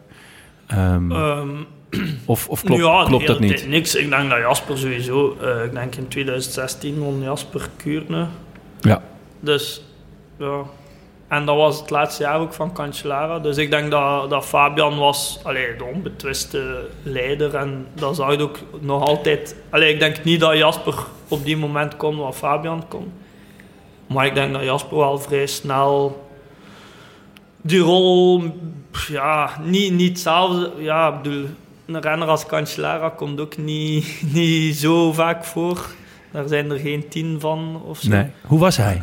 ik, ik hoor eh, wisselende verhalen. Ehm, hij, ja, hij was speciaal. Ik heb, ik heb altijd goed overeengekomen met hem en eh deed altijd vriendelijk tegen mij, maar hij kon zo wel een beetje in zijn eigen zone zitten en soms een beetje raar reageren of niet reageren als je iets zei tegen hem. Dus dat was wel, ja... dat- Hij, hij was toch wel echt... Een, Hij een- hoorde ook niet goed. Hij, hij hoorde ook niet ik weet niet, maar ik herinner mij nog de eerste... Hij hoorde niet goed? Aan één kant. Als je dan eh, naast hem stond en je praatte... En dat toevallig de kant waar jij reed was en hij wisselde ook per... per, per Nee, maar ik herinner me nog de eerste keer op ploegstage reed ik naast hem en hij was zo tegen mij een verhaal aan het doen en ik pikte daarop in op dat verhaal en vertelde dan ook iets en ik stopte en ik keek naar hem omdat ik reactie verwachtte en hij reed zo gewoon hij was aan het fietsen en ik keek zo voor zich uit en ik dacht, "He- heeft hij mij nu gehoord of niet? Maar ja, ik heb er nooit slechte, slechte ervaringen mee gehad. En hij heeft mij zo, alleen na- nadat hij gestopt is, af en toe ook nog eens een, een berichtje Ah, gestuurd of zo. Dus Ja. voor mij eh, altijd goed mee geweest. Maar ik kan mij inbeelden dat hij Ja. ja, voor sommige mensen eh, een beetje arrogant overkomt. Ja, die, die geruchten, die, die, die, eh, ja, die, die hoor ik zo af en toe. Ehm, terug naar die tour, want je wordt twee keer vijfde en één keer achtste. Het is eigenlijk, nou ja, alles eh, wat je aanraakt is, eh, is leuk en mooi en eh, Hosanna. Nou, ik zag een mooi interview met You Can't Believe Yourself. En daarna gaat het mis. Ehm, in de tijdrit, valpartij, met een wervelbreuk. Instabiel, waardoor je ook geopereerd moest worden. Gelijk einde seizoen, wist je dat gelijk toen je, toen je ja, daar lag? ja. Nou, net toen ik geval was, had ik zelfs schrik eh einde carrière. Ja? Eh, ook een beetje met de achtergrond die ik eh, van mijn studie zat. Ja. Ehm, dus op die moment was dat even wel een, een serieuze... Wat ja. gebeurde er? Ja, het was eh, een afdaling en er was een, een technisch probleem aan mijn fiets, waardoor dat ik de controle een beetje verloor en eh, ja, zo een bocht niet kunnen houden, het graskant ingestuurd en eigenlijk toevallig op een afgez afgezaagde boomstam gereden, waardoor dat ik in de lucht gecatapulteerd werd en dan eigenlijk in een gracht terechtgekomen, maar ja, echt de impact zoals dat je op een stoel zou, zou gaan zitten, Oh, ja, zo ja. de impact opgevangen, waardoor dat is echt vol alles op je, echt op je naar billen. boven Ja. kwam. En daardoor is die wervel eh, ingedukt eh, geraakt. Ja. Amai. Maar eigenlijk, ja, achteraf gezien, wel geluk gehad dat alles allee, op een goede manier kunnen herstellen is. Hoe En- lang heb je en- moeten herstellen? Goh, eigenlijk valt het wel vrij goed mee. Ik denk dat de, de, het seizoen was toen gedaan en ik ben toen in januari in uh, Tour Down Under terug begonnen. Dus ja, het heeft wel zijn tijd eh, nodig gehad, maar... ehm, En ben je, ben je helemaal 100% hersteld? Of? Ehm, ja, ik vind dat moeilijk om te zeggen, want op die, op die plaats heb ik niet zoveel last. Maar ik, ja, wat ik mij dan afvraag is de invloed op de rest van uw lichaam sowieso. Ja, die werf, die, er is één wervel gebroken, maar die zou dan vergroeien met de omliggende wervels. Waardoor dat er minder mobiliteit is. En, en ik denk dat toch wel een, ik heb op die plek geen pijn of, of last, maar ik denk toch dat het een effect heeft op de rest van mijn lichaam, bovenrug, onderrug, waar dat ik misschien iets meer ga compenseren en dat dat toch wel ja, een effect heeft op mijn lichaam. Ook al wordt het voor mijzelf niet zo duidelijk in pijn of zo, ik denk toch dat het een, een, ja, een klein effect heeft. Maar, maar merk, merk je er bijvoorbeeld dat je vaker vastzit na de koers? eh, Bovenrug, onderrug? Of... Ik vind, ik vind dat moeilijk, omdat ik weet ook niet... Ik kan mij moeilijk inbeelden hoe dat ervoor was. Ehm, ja, uw lichaam evolu- evolueert ook, dus, dus je weet niet... Zou het zonder die breuk anders geweest zijn of niet? Dat, dat, dat vind ik moeilijk om in te schatten, maar... ehm, ik, wat, wat ik wel bijvoorbeeld merk is, ik krijg vooral veel last als ik niet meer sport. Bijvoorbeeld in de off-season, na, na twee weken, drie weken, begin ik wel last te krijgen van mijn rug. Door al het bier drinken. Net. dat, nee, dat da- daarmee Ja. verzacht ik nee, ehm, ja, ik, ik voel dat, dat ik het bewegen heeft, Ja. zolang dat ik Het moet soepel met mijn lichaam bezig blijf en, en beweeg, heb ik het gevoel dat ik eigenlijk weinig, weinig last erin heb. Maar als ik zo drie weken was meer stil zit en, en niet te veel sport, dan ben ik zo wel te voelen dat ik wat meer stijfheid heb Ja. in, mijn, in mijn rug. ja. Ehm, 2017. Je, je bent dus eh, gevallen in de Tour, daarna lang gerevalideerd. Maar je begint al wel vroeg dus in, de, in Down Under. Nou, ik vraag je net naar je hoogtepunten. Twee van die hoogtepunten liggen in dat jaar. Ja. Dus eh, je wint een etappe in de Binkbank en je wordt achtste in, in Roubaix. Eh, volgens mij is Roubaix jouw droomkoers. ja, eigenlijk wel, ja. En dat je daar achtste werd, was een bevestiging van? Ja, ik had zelfs die dag het gevoel dat ik kon meedoen om, om echt te winnen. Ja. En waar, waar is het dan misgegaan? Of, of ja, misgegaan. Ehm, ik denk, neem ons mee terug naar, naar die dag.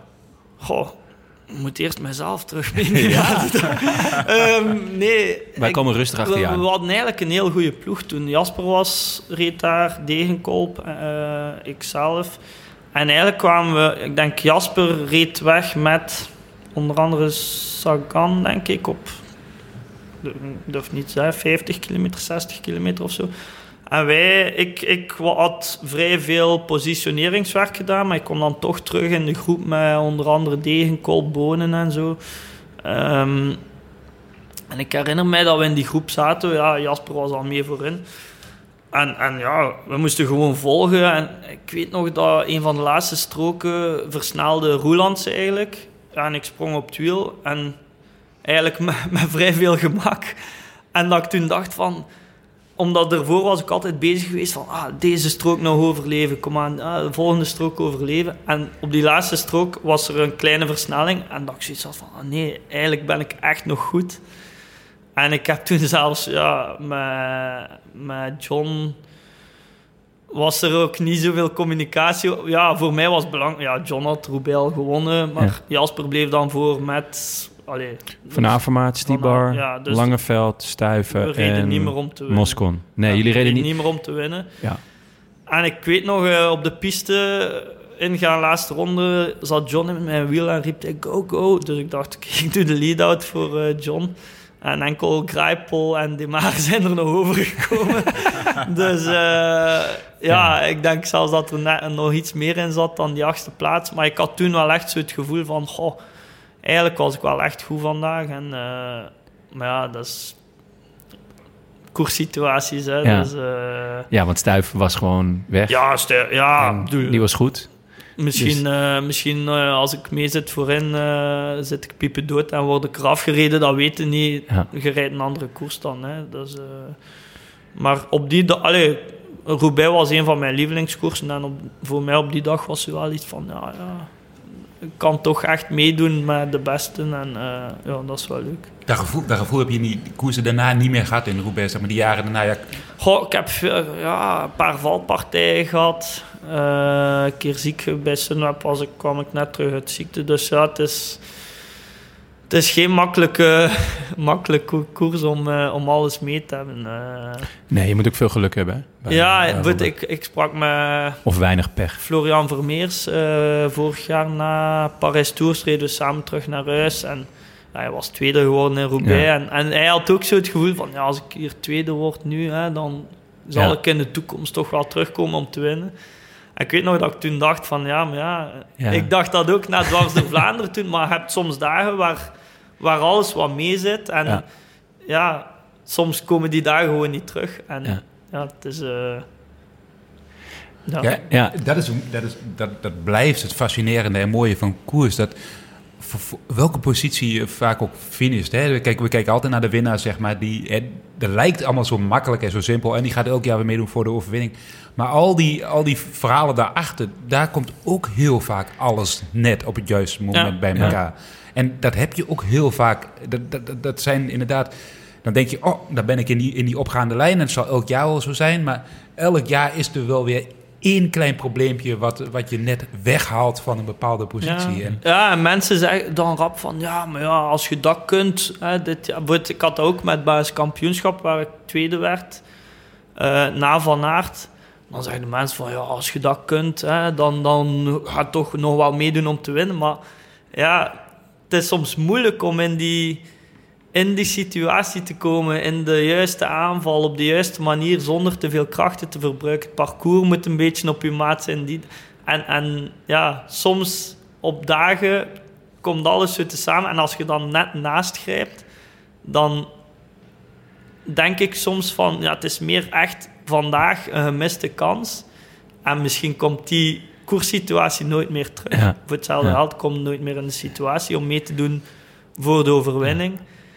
En ja, dat, maar ja, dat weet je niet. Hè. Je moet nee. blijven rijden om het wel te Ja. proberen natuurlijk. Nee, ja, en je, eigenlijk na, na dit jaar, dus je, je wint in het najaar ook nog etappe in de Binkbank in de, en in Turkije, geloof Ja, ik. Dus eh, twee World Tour koersen. Ehm, dan kies je ervoor om te vertrekken bij Trek, terwijl je daar enorm naar je zin had. Maar ik denk, als, wat ik er vanuit opmaakte, is dat je eigenlijk wou creëren dat je vaker in die situatie kwam dat je kon winnen. Toch? Ja, ik, ik denk dat ik zo'n beetje tussen... Want je gaat naar Sunweb. tussen eh, op die moment wa- waren er, ja, we zaten met Jasper in de ploeg en ik denk dat ik een beetje op die moment wou proberen om in de klassiekers echt meer mijn eigen vrije rol te kunnen krijgen. Ehm, en die heb ik op zich ook wel gekregen toen bij Sunweb. Maar ja, door van alle dingen naast de koers en... en Wat ja, ging er het- mis bij Sunweb? Want Ja, het, was geen gelukkig huwelijk. Nee, het werkte, het werkte gewoon niet voor mij. Ehm, er zijn alleen gewoon veel meningsverschillen over hoe gaan we iets aanpakken of hoe gaan we iets benaderen. En is dat met de ploegleiding of met, met eh, trainers? Goh, ik denk dat dat een beetje, een beetje hetzelfde is, ploegleiding. Allee, er, op zich wordt daar wel veel gecommuniceerd tussen de ploegleiding, trainers, dit en dat. Dus ja, het was, het was gewoon een beetje, voor mij denk ik, een manier van werken die ik minder gewoon was in de koers. Wat, wat was er zo anders dan? Ja, dat is moeilijk te zeggen, maar ik denk dat zij meer een benadering nemen. Als, als ren, ik denk dat je veel renners gaat vinden. Alles draait rond de renner. En alles wordt gedaan om de renner zo makkelijk en zo goed mogelijk te maken. En ik had soms het gevoel dat dat bij Sunweb iets minder was. Maar Kijken ze meer naar het collectief? ja, ik denk het wel. Maar achter, ja, met zelf meer ervaring op te doen en volwassener te worden, heb ik ook al gewoon beseft dat is gewoon een andere approach van hen. die voor hen wel uiteindelijk superveel successen ook heeft bezorgd. Dus Ja, maar ook veel eh, jongens die gillend eh, eh, vertrokken zijn. ja, maar ik Daar denk, moeten we ook, eerlijk in zijn. ik denk dat Je was niet de enige. Ja, nee, maar ik denk dat elke situatie een beetje anders is. Ik denk dat soms Maar- ook deels van de renner zal komen. En Nee, tuurlijk, elke situatie is anders, maar er zit een gemene deler in. Dat, dat, ehm, dat er veel renners niet de vrijheid voelden om, ja, om te... maar ik, ik moet zeggen, ik vind het ook niet altijd iets slecht. Ik heb bijvoorbeeld mijn contract in onderling overleg met Sunweb kunnen beëindigen. Ja, En ik was daar super blij over, omdat voor mij ging het niet meer. En zij zeiden ook van, ja oké, van onze kant is het ook moeilijk. En, en waarom zouden we nog doorgaan als het voor allebei niet werkt? En ik, eigenlijk ben ik super dankbaar Ja. dat zij op die moment hebben gezegd van, oké, we... ja, dat is heel We gaan bespreken en we gaan kijken wat we kunnen doen om eruit te geraken, zodat we eigenlijk allebei dat voor allebei een goede, een goede Ja, uitkomst is van de van zaak. en dat, dat wordt vaak als iets negatief gezien, dat de renners vroeger vertrekken bij een ploeg. Maar ja, als, als ik daar nog een jaar langer, langer had gebleven, had had het voor mij niet Ja. leuk geweest. En voor hen had ze ook niet veel aan mij gehad wellicht. Want wat, wat was hun plan met jou? Want ze, ze, ze wilden je graag hebben. Eh, en, Ik denk een beetje wat dat mijn plan was om in de klassiekers meer een vrije rol te hebben. En ja, dan zien waar dat ik zou geraken. Maar ja. En dan probeerden ze een- op een wetenschappelijke manier. Dachten ze, nou, dan kunnen we, hè, dan kunnen we Edward nog een stuk verder brengen. Helpen. Ja, ja, sowieso. Ik denk wel dat zij een goed, een goed plan hadden met mij. Ehm, ja, de praktijk heeft gewoon een beetje... Maar, ja, maar dat is wel een beetje, jij noemt het, stipt het net aan, vrijheid. Ja, Ehm, maar als ik jou zo zie zitten en, en hoor, en hey, je komt van de Topsoort Vlaanderen, eh, dat, jij koest volgens mij met, je- met je hart, met passie, met passie voor het wielrennen. En, en dat is natuurlijk totaal, waaruit uit die passie komen die prestaties voort. Ook een beetje het idee. Hè? En, en, en, en als alles wetenschappelijk benaderd wordt, dan haal je die passie er een beetje uit. Is dat... eh, Goh, ik had niet het gevoel dat de passie eruit ging. Maar ik heb wel het gevoel dat, dat we het... Moest ik eh, nu terug bij Sunweb komen, denk ik dat ik er beter mee zou kunnen omgaan dan toen. Ik denk dat op die moment, ja, een Maar beetje een andere fase in het leven, nu al meer ervaring opgedaan. En, en dat ik toen... Hoe oud was je toen je daar naartoe ging? eh 26? 25? 27, 27, 26, 27, zoiets. Ja, je leert, ja, je leert veel. Ik vind in de wielercarrière leerde veel. Ik heb met, met een mental coach eh, gewerkt of aan het werken. En eh, begin dit seizoen zei ik van, ik vind het super raar, maar ik heb het gevoel dat nu ineens dat ik mijn ervaringen ook in de praktijk kan gebruiken. Terwijl dat ik ben al zo lang prof en eigenlijk er is geen verschil met vorig jaar. Maar nu heb ik precies zo'n klik van... Oké, in koers moet een bepaalde beslissing nemen. Dat ik, dat ik veel sneller de goede beslissingen neem door mijn ervaring. En dat ik dat nu ook kan toepassen. Kan je, daar, kan je daar een voorbeeld van geven? ja, eigenlijk moeilijk, maar het is zo... Dat is heel raar, maar van dit jaar, als ik ergens op een bepaalde positie moest zitten, in de klassiekers, in sprints, dan zat ik er. En dat heeft te maken met bepaalde keuzes maken, golf volgen in het peloton, op die manier opschuiven, op een andere manier opschuiven. En, en ja, ik denk dat dat... Ja, die mental coach zei tegen mij van dat verrast mij niet, omdat er is zo'n wet in de psychologie of, of weet ik veel wat. Je hebt zoveel uren nodig om dingen te leren, zodat die eigenlijk een automatisme worden. Is de 10.000 uur regel? Ja, zou kunnen. Zoiets? Ja. Ehm, en ja, ik denk waarschijnlijk door het opstapelen van ervaring, ervaring, ervaring, en dat ik nu ineens, ja, voor mij is dat precies zo, ineens een klik die er gemaakt is van oké, ik kan mijn ervaring gebruiken om toe te passen en ik voel mezelf ook veel rustiger in bepaalde situaties in koers, omdat ik die ervaring heb van vroeger. Terwijl nu, vroeger ging ik mij, denk ik, nerveuzer gedragen, wat altijd een slechte invloed heeft. Dat is grappig. Toen je begon, dacht ik meteen van, ja, rust. Hè. En een bepaalde leeftijd eh, eh, krijg je meer rust over je, waardoor je inderdaad, die, jij geeft het zelf aan. Dat het, Maar ik, eh, die rust heeft bij mij te maken met eigenlijk al, al wat dat je meegemaakt hebt Ja. in je carrière. Ja. En het is dat ik ook Dus ook zeg, dat jaar Sunweb. moest ik nu denk ik bij Sunweb komen, ik zou er op een andere manier naar kijken dan, dan toen. Ja. Eh, dat heeft misschien ook te maken met op die moment leg je veel druk op, want je, je krijgt een beetje je eigen kansen en je wilt het doen slagen en, en er lukt iets niet of er loopt iets mis en, en dan ga je focussen op de dingen die niet lukken en, en ja, dat... Heb jij dat ook gehad, Bram, dat je op een gegeven moment een soort, soort rust over je, Ja. over je eigen eh, presteren kreeg, of je, je zijn in de koers? Ja, ja absoluut. En, en, en dan, wat jij ook zegt, dat positioneren, daar ben je sowieso heel goed in. Ehm, dat, dat, dat leren hoe zo'n peloton functioneert, dat, dat duurt gewoon een heel, hele lange periode. En, en daardoor juist automatisch sneller op, de, op dezelfde plaats, eh, of op de juiste plaats terechtkomen, zonder enige inspanning. En daar werd op een gegeven moment wordt dat een kracht. Is, is daar een, eh, een, een, een, een, een stelregel voor? Van als je zes jaar in het peloton zit of acht jaar? Of... Ja, ik denk dat sommige die, die sommige, ik denk dat per persoon eh, verschillend is. Ik denk bij Ja. sommigen zal het helemaal nooit komen. Weet je nog hoe oud je was? Goh. Weet je nog hoe oud je nu bent? Nee. Ja, ik zeg ook ja, 38, maar Ja. eh, daar, daar, daar, daar hou ik al zes jaar voor. Maar trappen ze thuis Ja. niet meer in. Nee, ja, ik denk rond mijn... eh goh, dan moet ik, ik, denk, ik denk rond mijn Belkin-periode. Dat is rond 2013, dus ongeveer eh 34, 35 zeggen. Oh, ja. Maar ja, dus Oh, ben re- relatief laat. Ja, ik wou het zeggen. Nou, jij- ik, ik, denk dat ook een beetje met, met mentale...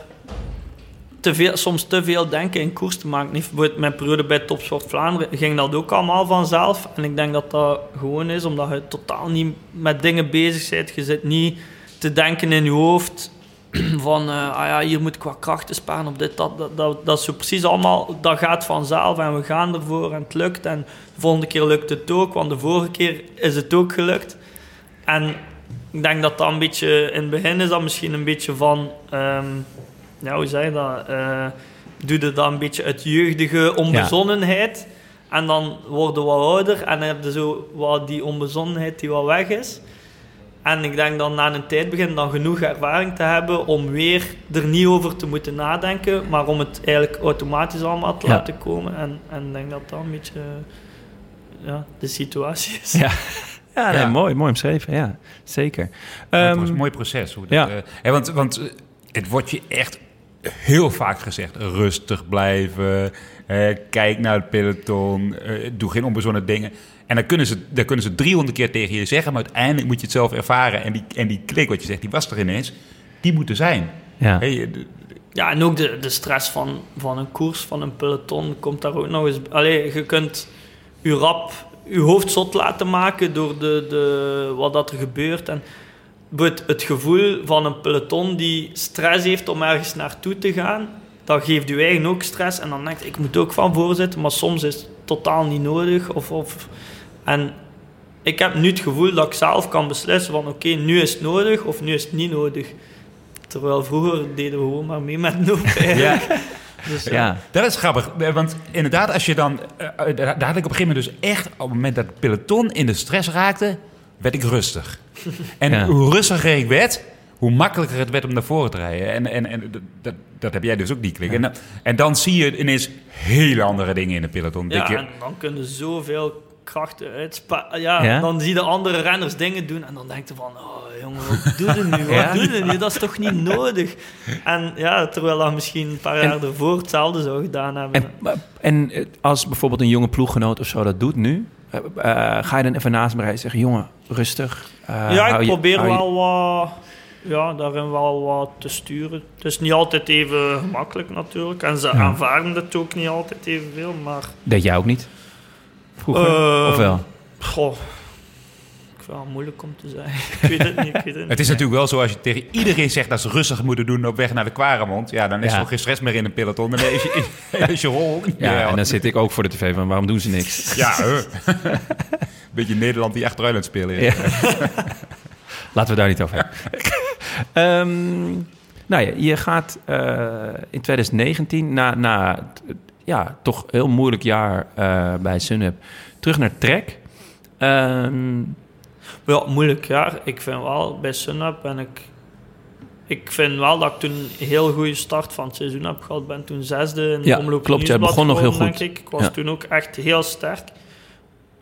Qua gevoel denk ik misschien wel zelfs het sterkste dat ik al, al geweest was. Ja? Zoals dat ik de omloop toen aanvatte. Maar dan wat, wat ziekte, allee, ziek geworden, was dit vlakproblemen. Die, en, en dan Ja. zo'n beetje kleine dingen die ja. ervoor zorgen dat alles een beetje in duigen gevallen is. Dus ehm, op Ja, want zich ik ben- vond ik dat qua niveau wel eigenlijk in, in orde was. Bij, allee, als ik niet ziek was, dat ik wel in orde was. Ja. Eh, zeker ook in de Tour toen met Dumoulin, werd toen tweede. Ik denk dat dat op zich een supergoeie Tour was. Ja. En, en dat, ja, ik heb me daar ook super hard geamuseerd. Dus dat was, Ja, was leuk? ja, sowieso. Ja. Ik heb me altijd wel geamuseerd bij, bij Sunup. eh. Ja, Dat was dat, dat was ik wel nieuwsgierig. Was je op een gegeven moment niet het, het beu om wielrenner te zijn?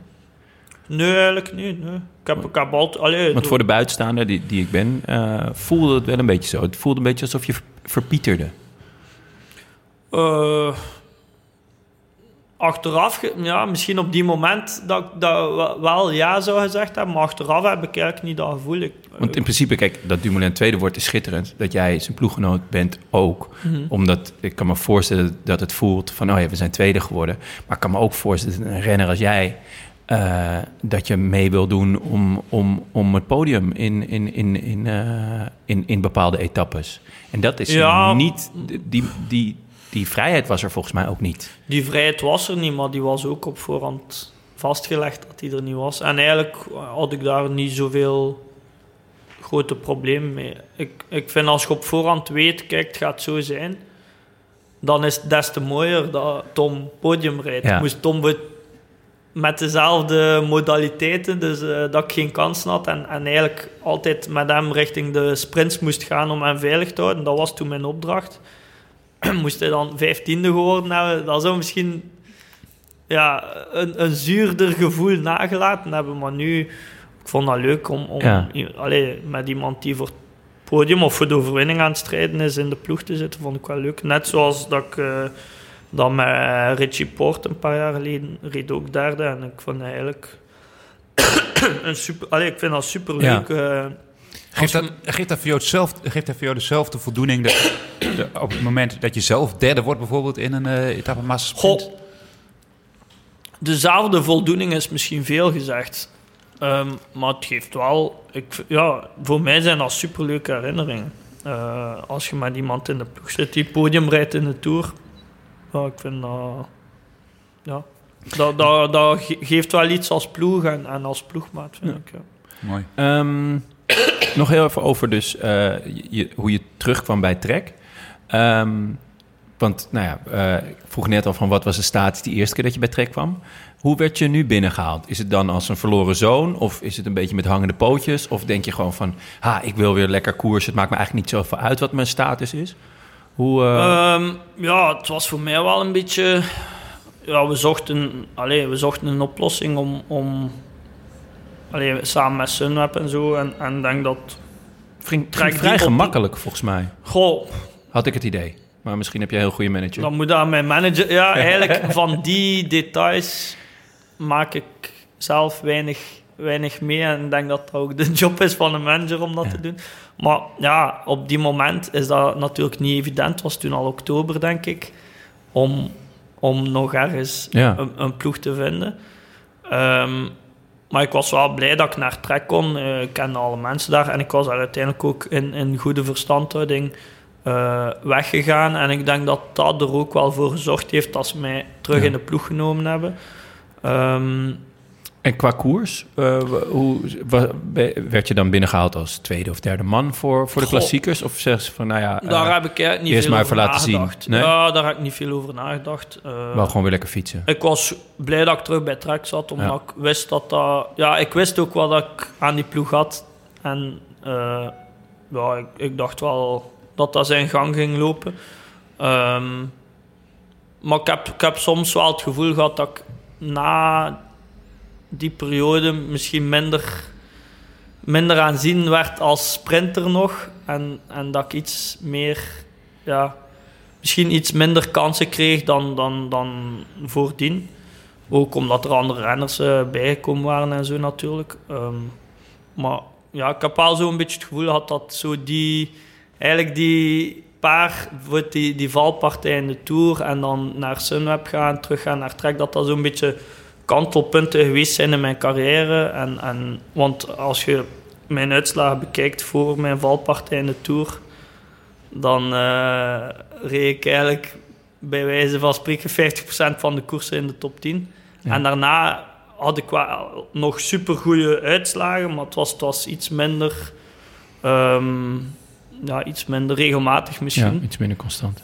Eh, maar dat kwam misschien ook omdat ik ja, hier en daar voor, voor iemand anders dan moest rijden of, of Ja. weet ik veel wat. Maar ja, dat hoort natuurlijk ook bij de koers. Ja. Allee, ik, ben, ik weet van mijzelf dat ik geen, geen grote kopman ben, maar ik weet wel dat ik goed genoeg ben om sommige koersen te winnen. En dan is dat zo wat moeilijk. gang zo'n beetje tussen twee niveaus en, en dat is niet Ja, altijd want je bent nu... De ene keer ben je eh, eh, ja, eh, lead-out of eh, knecht. En de andere keer ben je, ja, mag je voor eigen kans gaan. Ik denk, eh, de afgelopen twee jaar ehm, zijn de, de uitslagen niet denderend. Maar eigenlijk afgelopen jaar eh, ja, zat, zaten er juist weer een paar, een paar lichtpunten bij. Dus ehm, in 2021 nog wel tweede op het Belgisch kampioenschap.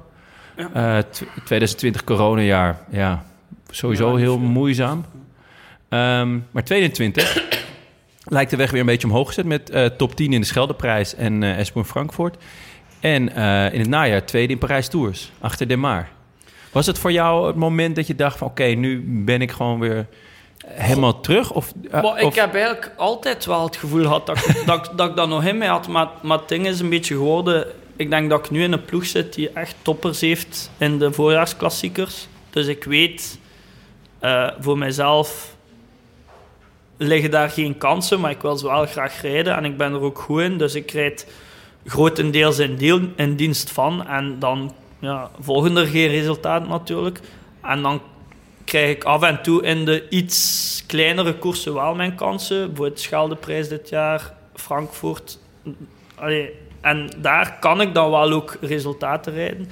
Maar het is, het is soms moeilijk om, om, om ja, na, ik zeg maar iets, na zeven koersen in dienst van en dan de volgende koers aan, nu moet het een keer doen, ja. is het soms moeilijk om direct uitslagen te rijden. Ehm, maar in het najaar bijvoorbeeld kreeg ik dan wel weer iets meer vrijheid en iets meer kansen. En dat, ja, ik vind dat wel leuk om te doen, ook omdat ik, ik denk dat ik een beetje een najaarsrenner ben. Als Ja? er veel renners eh, al een beetje de motivatie begint te slabakken, dat ik wel nog vrij fris ben en, en nog vrij goed ben. En dan rijd ik altijd nog wel goed uitslagen. Dus Ja, dat, dat is, is wel- eh, vind ik wel mooi. Ja, septemberitis heb je geen last van. dus. Septemberitis. Op training misschien wel, maar in koers, eh, ik, ja, ik koers op zich ook altijd vrij veel in het najaar. En, en ik heb altijd zo het gevoel dat de, de motivatie er nog in zit. En er zijn natuurlijk ook veel renners voor dit jaar eh, na het wereldkampioenschap die al stoppen of, of die nog wel wat meer rijden, maar eigenlijk Ja, niet, meer niet veel meer dan meerijden. Ja. Allee, dus, en als je dan nog echt gemotiveerd bent en, en een beetje je vorm blijft doortrekken, dan, dan kunnen we wel mooi... eh, Mooi Heb, heb, je dat, heb je dat altijd al gehad of is dat ook iets juist van de ik laatste heb dat jaren? vaak, vaak gehad dat ik wel op het einde van het seizoen goed ben. Ja. Oh, wat goed. Een najaarsrenner. Dat is leuk. ja, dat is mooi. Ja, ik, Ja. eh, ken ik helemaal niet. Nou ja, Maar Ja. als, als renner is het najaar ook het makkelijkste, het makkelijkste om... Als je echt, als je goed bent, dan, dan is dat een periode waarin je fantastische koersen kunt rijden en, Ja. kunt, en kunt scoren. In het voorjaar is iedereen op zijn best Ja. en, en is het natuurlijk veel moeilijker. In het najaar zijn er ook wel altijd renners die heel goed zijn, maar er zijn er ook veel die, die al een pak minder zijn of gewoon niet even gemotiveerd rondrijden als in het voorjaar. En ik denk dat dat ook een beetje een, een sterkte is Ja. om te hebben dat je dat, dat je wel door dat je het blijft gaan. seizoen volledig kunt, Ja. kunt afronden op, op een goed niveau. Maar het is toch eigenlijk jammer dat Parijs Tours zeg maar, Ja. zoveel aan waarde heeft verloren. Hè? Het is, Ja, echt zonde. En eigenlijk, maar ja, daar pleit ik al heel lang voor. Zou, zou, er, zou er een, een, een, zouden ze een keer goed moeten nadenken over, over, de, over een herindeling van de kalender. Om een aantal koersen uit het voorjaar misschien in het najaar te laten rijden. Want laten we wel wezen, die Roubaix in het najaar was echt schitterend. En eigenlijk Gent-Wevergem zou ook prachtig in het najaar passen. Goh, ja, ja. Ja, ik weet het heel Ja. kort. Dat wielrenners Het zijn erg conservatief. natuurlijk Maar, zijn... Ja, ja, klopt, maar het zit ook bomvol. ja oké, maar... Ja. En, Pas op, eh, dat- dat, dat zegt dan iedereen. Het voorjaar zit bomvol, maar dat, dat, dat, dat weet Edward ook. Als je dan ehm, je, je leeft dan echt naar het voorjaar toe. Ja. En dan, en dan ga je, rij je Tirreno Adriatico, dan kom je Lanza Remo. De week erop heb je, heb je E3-prijs eh Gent-Wevelgem. En dan is Vlaanderen-Roubaix. En dan is, het- is het voorjaar afgelopen. Dat zijn vier koersen, vier grote koersen. Die, eh, ja, natuurlijk grote koersen, maar er, er, zit, er zit nog wel wat meer bij. Ja, zeker. Maar, Eh, dat- maar- met de pannen en eh, dwars door Vlaanderen en inmiddels ook Strade Bianca, het openingsweekend. Eh, het, het- ik, eh, er zijn maar twee pieken in het, in het, he- in het wielerjaar. En dat is gewoon eh, eh, het voorjaar en de Tour. Nou, Giro natuurlijk ook. Maar de, de Vuelta, dan merk je al dat de, dat de aandacht afneemt. Ook omdat er daarna eigenlijk niks meer komt. Ja, je hebt Lombardije. maar dat, dat is maar een heel klein groepje renners, nou ja, wat jij ook zegt, dat zich daar nog voor op kan laden. Terwijl als er nog een echte, ja, ik denk dat er heel veel mooie klassiekers gereden zou kunnen worden. Onder andere prijstours, als daar wat meer aanzien voor is. Om, om dat je daadwerkelijk een, een, een veel boeiender najaar zou kunnen hebben. Met misschien dus ook najaar, meer najaarsrenners. Goh, ik denk eigenlijk dat dat niet...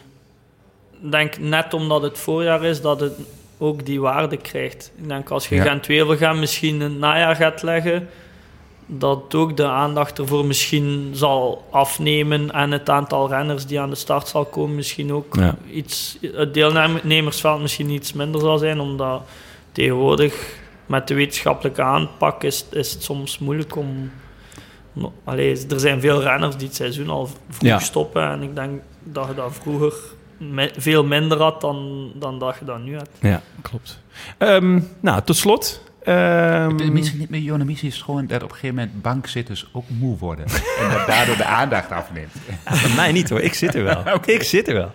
Nee, eh, het klopt ook We wel een zitten in het beetje. najaar van de podcast. Ja, ja. Ja. Nee, maar prijstoers moeten ze gewoon weer hoop. Ze moeten die hoog op Ja, de zetten. Ze moeten daar moet gewoon, World die, moeten ze weer bovenaan zetten. Dan ga je het zelf kijken. Dan heb je prijstoers en Lombardije. Ja. Komt straks het WK Greffel er nog bij. ja. WK Greffel. Hou op met me. hoor. Nee, eh, eh, wat is je plan voor komend seizoen? Eh koersen. Koersen, ja.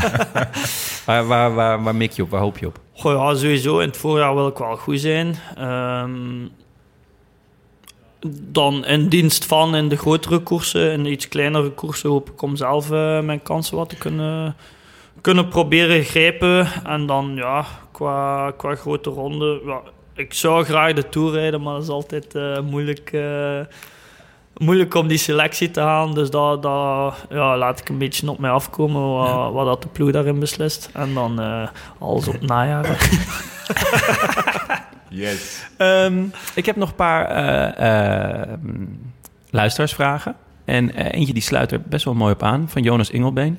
Ehm, volgend jaar een droomkoers om te winnen, maar een realistische. Want je zegt, je bent Ja. eh, nou ja, in dienst eh, in de grotere koersen.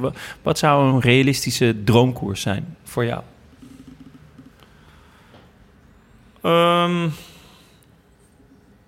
Goh, eigenlijk Belgisch kampioenschap zou ik... Ja. eh, Twee keer tweede al?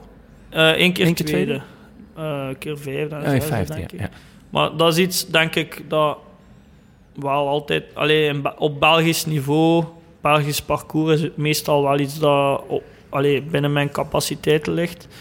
En toen ik er zo dichtbij kwam, was dat toch even zo van... Ja. Dan beginnen we erover na te denken als je dat had kunnen winnen. Ja, lang. Belgische trui, dit, dat. Dus dat is voor mij wel iets dat ik, dat Ja. ik denk ik, binnen mijn capaciteit ligt. Eh, en, en dat zou wel eh, iets zijn waar dat ik ook wel Ja, wat van ja dat vind ik ook wel een goeie. Ik krijg mooie, die mooie driekleur. Hopelijk zonder vlammen. Oh, wat een lelijk shirt hebben jullie, zegt dit jaar. Ongelooflijk. Ehm, ik heb ook een audiovraag. Eh dat is een vraag van een Belgische luisteraar die vaker eh, een vraag instuurt. En ik, hij was mee naar het Flandrien Gala. Daar hebben we jouw eh, vrouw eh, gesproken. In de hoop dat we jou zouden spreken. En hij sprak ons. Nou ja, goed. Je hoort het. Komt-ie. Ha mannen, Paling hier. Ik heb een vraag voor Edward Teuns. Hey Edward. Ehm, ik speel zoals zoveel luisteraars van die fantasy cycling spelletjes. eh Scorito, Sporza Wielermanager. Ik neem aan dat je ze wel kent. En afgelopen Giro werd jij op voorhand in heel wat lijstjes genoemd als een goedkope puntenpakker. Je kostte slechts 750.000 ten opzichte bijvoorbeeld een De Mare van Van der Poel die 3 miljoen kostte of een klassementsman als Carapaz die 5 miljoen was. Het viel me op dat jij op Twitter, voorafgaand aan de Giro, je mengde in de discussies. Je gaf zelf aan dat 750.000 voor jou een koopje was. Dus ik heb u in mijn ploegje opgenomen en ik heb echt heel goed eh, gescoord met jou. Je had heel, heel wat leuke eh, top 10 plaatsen, ehm, ook helperspunten voor eh, Juan Pedro Lopez. Ehm, en ik wil bij deze van de gelegenheid gebruik maken om je hiervoor te bedanken. Nu, ik vroeg me wel iets af. Die, hoe leven die fantasy cycling spelletjes in het peloton eigenlijk?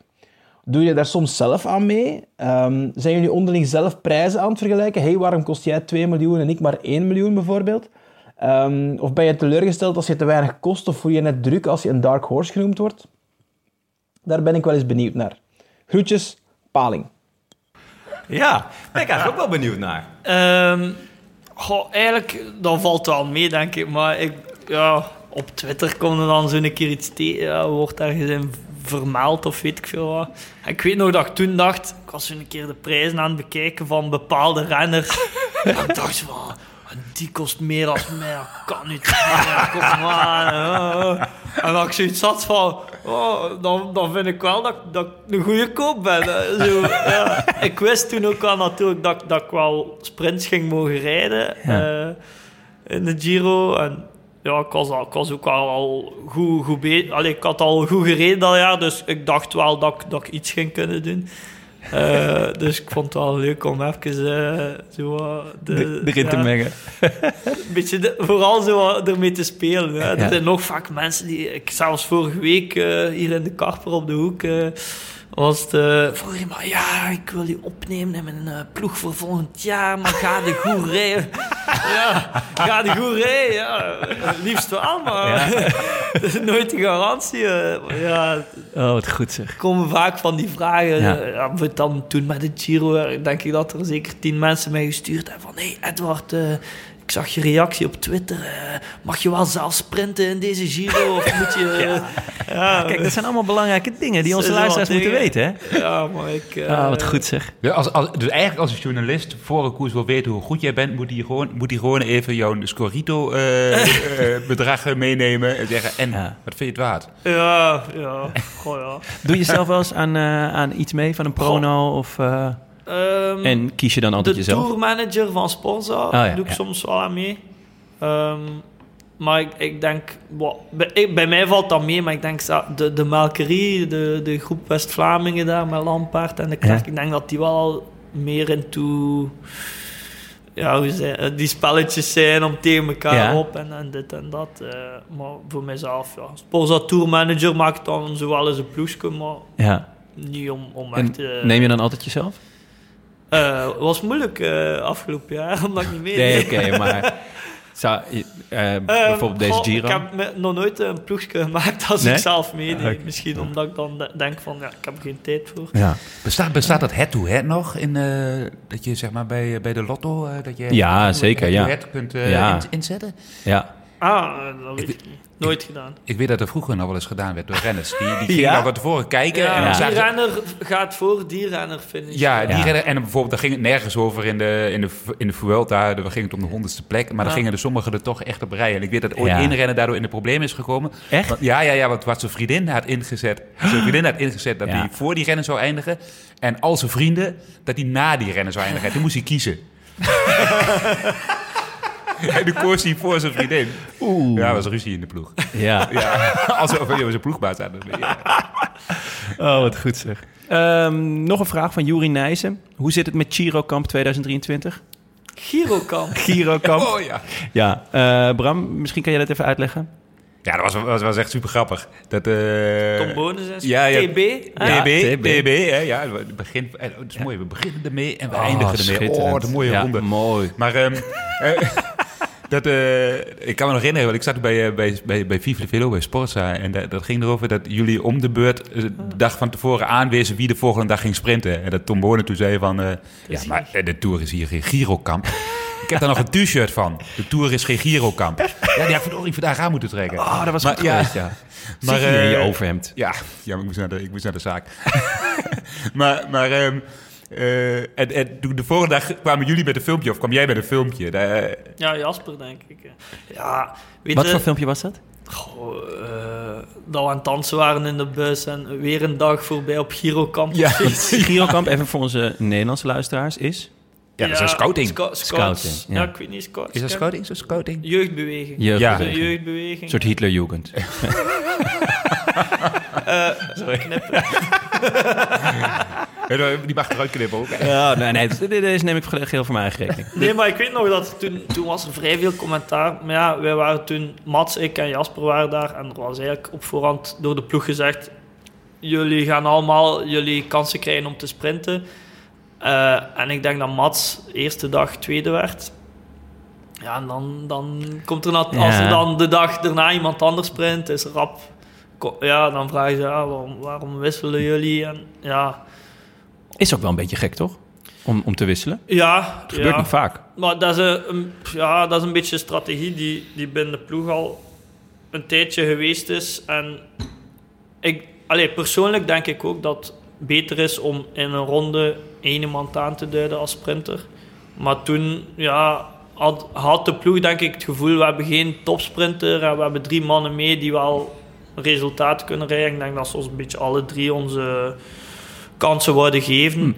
Ehm, maar ik denk dat dat nu, eh, zoals ik zei bijvoorbeeld met Mats, niet meer aan Ja. de orde is. Dat, dat, dat wel duidelijk Die is is. gewoon te goed. Ja, en, Ja. en dat vind ik ook gewoon een betere manier eigenlijk om in een grote ronde te staan. Dat je zegt van oké, we hebben die sprinter mee en we gaan gewoon voor die sprinter. Omdat dat ook meer automatisme creëert en minder onderlinge ja, concurrentie. Dus ik denk, allee, in dat opzicht gaf ik Bonen wel een beetje gelijk. Maar als je de achtergrond weet van wat dat de ploeg uit toen zei van ja, we- gaan proberen om jullie allemaal jullie kans te geven, ja, was dat een beetje... Ja. is wel, is, vind ik wel een hele sympathieke Ja, wel. Dat is Ja. ook wel een beetje wat Trek uit, uitstraalt. Ja. Hè? Die, eh, Ja. die- die- eh, gewoon een hele sympathieke ploeg Ja. in, eh, in Voor- het peloton. Waar voor iedereen kansen liggen. ja. Ehm, een eh, vraag van Michel Verf. Wat vind je de mooiste slash sappigste zin in het Gentse dialect? Ehm, goh. De mooiste... De zin misschien waarmee je je vrouw hebt benaderd? voor het eerst? Er was weinig zin, dat was gewoon dansen. Ja, ja toch weer die toch dansmoves. die moves, hè? Toch weer die moves, ja. Ah. Iets van, eh, ik weet niet, eh, hey. Hoe is het? ja, nee, ja, Niet neuten, niet pleuien, zeggen ze. Hoe? Niet neuten, niet pleuien. Niet pleuien. Dat is een beetje de leuze ook van de, de voetbalploeg. Dat wil zeggen, niet... eh, Niet lullen, maar Niet poetsen? klagen, eh, niet plooien. Ja, Ja. de Denk in. Nederlands, is het in Nederlands niet, niet lullen, maar, eh, maar poetsen? Zoiets? Ja. Ja? ja. niet lullen maar poetsen. Ja, Ehm, ja dat goeie. ja. Dan Eh, ben ik niet neuten, niet pleuien beter. Ja, dat Vlaams is ook, is ook mooier. Veel mooier dan de Amsterdams. Eh, ja, nee, nou, niet aan het Amsterdams. Amsterdams is weer een klasse apart. Hè? Dat staat weer- dan weer net boven het Vlaams. En daaronder, ver daaronder zit het Nederlands. Ehm Jannes de Smet en Michiel van der Stelt eh, vragen zich af wanneer er weer een nieuwe rap komt. Misschien beter aan Laurens de Vriezen vragen. Die is, die is een betere rapper? Ja, zeker. Ehm, creatiever. Creatiever. ik heb ooit een keer laatst uh, Laurens gereden in de peloton. En toen begon die, begon die over een of andere rapper uit, Vla uh, uit Vlaanderen. Maar hij begon die hele rap op te treunen tegen mij. Weet ik wel. Terwijl met die koers, en ik dacht echt op een gegeven moment, mag ik nu nog een keer wegfietsen? en op een gegeven moment half op de kant en hij bleef maar rappen, jongen. Het was heel grappig. Toen heb jij een kansjelaraatje gedaan. Gewoon gedaan alsof je doof was aan één oor. Uh, ja, ja, fantastisch. Ja, mooie kerel. Um, laatste vraag van de Rode Baron. Puntzakje of bakje? Ik neem aan dat dit wel voor friet gaat. Uh, bakje. Ja? Oh, had ik niet van. Waarom? Ik weet niet. Ja, ik denk van een Vlaming, dat moet toch in een puntzak? Ja? Friet? Nee, niet? Jongen, ja, dan krijg je echt zulke smerige vingers van. Maar eh, dat is toch niet handig? Ja. Een bakje ja. is allemaal proper. Dus. Wel handig ja. voor op de fiets natuurlijk. Ja, logisch. uh, geen friet. Als weer, oh, je friet? Ja, nee, uh, ja, oh, ja, gewoon nee, helemaal niet. niet. Nee. He, nee, eet je nooit? Ja, wel, ja, ik weet het niet, hè? Ik weet het niet. Maar nou. niet in een puntzak. ja. Uh, dat was hem. Of heb jij nog, uh, nog uh, prangende vragen? Nee, ik heb geen prangende vraag, maar... Uh, nee, ja, het, nee. het, hoeft niet. Nee. Eh, mag ik je ontzettend bedanken dan voor dit eh buitengewoon aangename gesprek. Ja, het was, het Ja. was erg gezellig. Ja, was echt gezellig. Vond je het leuk? Leuk om te Ja, doen? superleuk. Was het je eerste podcast? Of, Eh, heb ik heb wel eens- al eens een podcast gedaan, maar dat Was wel minder voor leuk. live publiek. Oh, Oh. echt? En? Kon je dat? Ehm, ik denk, eigenlijk, ja, ik denk dat het voor het publiek ambetanter was dan voor ons. wij, wij deden gewoon ons ding, Ja. zoals dat we hier doen. En dan Ja. het publiek zat er zo'n beetje bij. Dat was Oké. een beetje... Ja, leuk. Maar nee, het was, eh, het was leuk. Mooi. Nou, Hoe is, mijn- ja, daar, daar, daar, daar, hoe is met Lien? Goed, Ja? ja. Een beetje vermoeiend af en toe met, met Scott. Van- vanwege jou of vanwege Scott? die is De combinatie. Eén kind, oké, en twee kinderen. het is goed dat je... Wielrenner is altijd een beetje een kind. Ja, ja, nee, ja. goed, goed, goed. Mooi. Veel zorg nodig. Ja, ja, ja.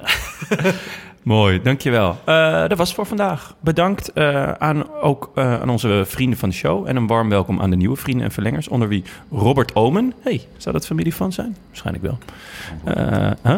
Kan goed. Ja, toch? Het, is- het wordt hetzelfde geschreven. Colin Geluk, Peter Jack, Koen, Inge Scheepjes en Tom is de bom. Wil je ons ook steunen eh, of gewoon een berichtje sturen? Websurfsite dan naar derolantaarnpodcast.nl. Eh bij deze ook eh, veel dank aan onze sponsors. Eh, Toto, Bamigo, Canyon, Auto.nl en natuurlijk aan onze heimat. Het is koers. Ehm, oh, ik zie dat ik een oproep moet doen namens Maaike.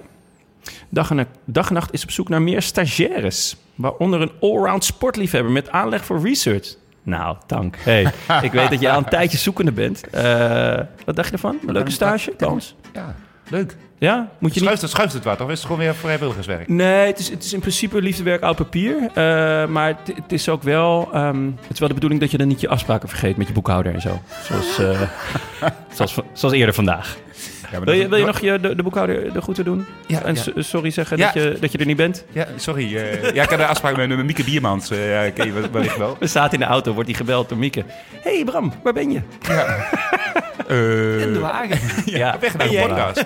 Ik zat daarvoor nog in een andere wagen. Ja, dat moeten we eigenlijk nog wel even vertellen. Eh, als uitsmijter voor onze, voor onze ehm, luisteraars. Eh, ik, ik kwam aan met, eh, met de trein hier in Gent. En eh, Tank die zat mij ergens op te wachten. Het was, was nog best moeilijk om hem te vinden. Hij zat in een bodega een, een, een bro- broodje te eten. Bodega. Ja, bodega, zo heet het. Zat hij een broodje te eten. En nou, wij lopen vervolgens de deur uit. En naar zijn schitterende, licht hemelsblauwe Audi. Of wat is het? Turquoise Audi. Schitterend ding. Maar we staan, er staat iemand dubbel geparkeerd voor onze auto. Waardoor we er Precies voor mijn hand. precies ervoor. Maar wel met ronkende motor. Eh, dus de motor stond gewoon aan. Maar we konden er niet uit. Waarop Bram zegt: Ah joh, ik zet hem wel even weg. Waarop ik zeg: Nou, zou je dat nou doen? Ah jawel joh, dat kan prima. Bram stapt in die auto. En op dat moment komt er een jongen met een pak wasmiddel naar buiten gerend. En die ziet zijn auto wegrijden. En die ziet zijn auto wegrijden. Die zegt, hé, wat doe je? Ik kan niet zo met mijn auto weg. Waarop Bram nee, nee, nee, ik ook niet. Ik zet, verplaats me alleen, want je had hem dubbel geparkeerd. Ah, die jongen was echt not abused. Die, was, die was, hij kwam uit een wasserette of zo. Hij was de was aan het doen. een pak wasmiddel eh, zet hij die auto doorgeparkeerd. op Ja, even. Goed, ik had inmiddels had ik al mijn telefoon gepakt. Dus er zijn beelden van, die zal ik je zo laten zien. en hopelijk eh, worden ze nog eh, op onze socials gedeeld. Maar dat was echt een heerlijk begin van de dag. Maar ik had hem net niet ver genoeg voor. En vervolgens bleef Ja. hij... Ik zeg, ja, maar ik sta hier maar een minuut. Vervolgens Ja. bleef hij nog drie minuten staan. Ja. Ja, ik zeg, ik ben blij dat die... eh Klopt, ja. We konden er ook niet uit. Dat was echt heel goed. Maar goed, eh, de maar we zin... wilden natuurlijk niet te laat zijn bij... eh, Nee, bij- wat bij- we uiteindelijk da- daardoor Maar, wel maar, waren. maar toch... waren- Uiteindelijk waren we te laat. Toen ging, toen, ging, toen ging Jonne de Kortrijkse Steenweg invullen. En toen reden we volledig Gent uit. Ja, dat was ook dat was niet handig. Geef ik eerlijk toe. Dat was meer mijn eh, fout. eh, maar goed, we hadden ook zoveel meegemaakt op dat moment. Want ja, eh, de zin, je kan niet zomaar in iemands auto stappen. die, die, die resoneerde nogal bij mij. Eh, je kunt ook niet zomaar water uit iemand zijn koelkast halen. Mag ook niet zomaar. Is hier ook gebeurd. Ja, goed. Maar dat is heel Nederlands, hè? Om ergens binnen te komen en dan gelijk even die Je koelkast... had dan gewoon ook met die auto moeten zeggen, ja, dat is iets Nederlands. Doen we al vaak. Yes. Eh, ontzettend bedankt. Echt leuk eh, dat, eh, dat, je, nou, dat je het gast wilde zijn. En eh, we gaan je volgen, want vanaf nu ben je dus officieel eh, vriend van de show. Eh, a biento. A bientôt. I wish I could be in the south of France. In the south of France. sitting right next to you. Oh, Frans. Ja, zoals... Daan Holen. Hem, Daan? Ja? Ja, eh, wij hebben best wel eh, veel woorden uit het Frans. eh. Daan Holen? ja, ja, wat? Eh Chedransje. Oh, heerlijk. Blij dat ik hem nog niet heb uitgezet. Daar moet ik een keer uitnodigen. Ja, ja, ga ik zeker doen. Dat Hij, eh, hij komt heel vaak te sprake in de podcast. een andere, een grotere staandertje. Ja, hij is, hij is gigantisch, hè? Ja. ja, heel vet. Ja, Daan Holen, dat is de, de favoriet van Frank, Frank, eh, Frank Heijnen. Oh, ja. Frank Heijnen. Topper. Ja. Ja? Ja? leuk. Oh, die gaan we zeker Goeie gast. Is- Ja. Ik denk de combi Daan Holen, Bouke Mollema, dat zal ook wel een leuke zijn. Ja, ja. Ja. Ik ga eh, eh, geen water schenken. Iets, Nee, gewoon... iets alcohol.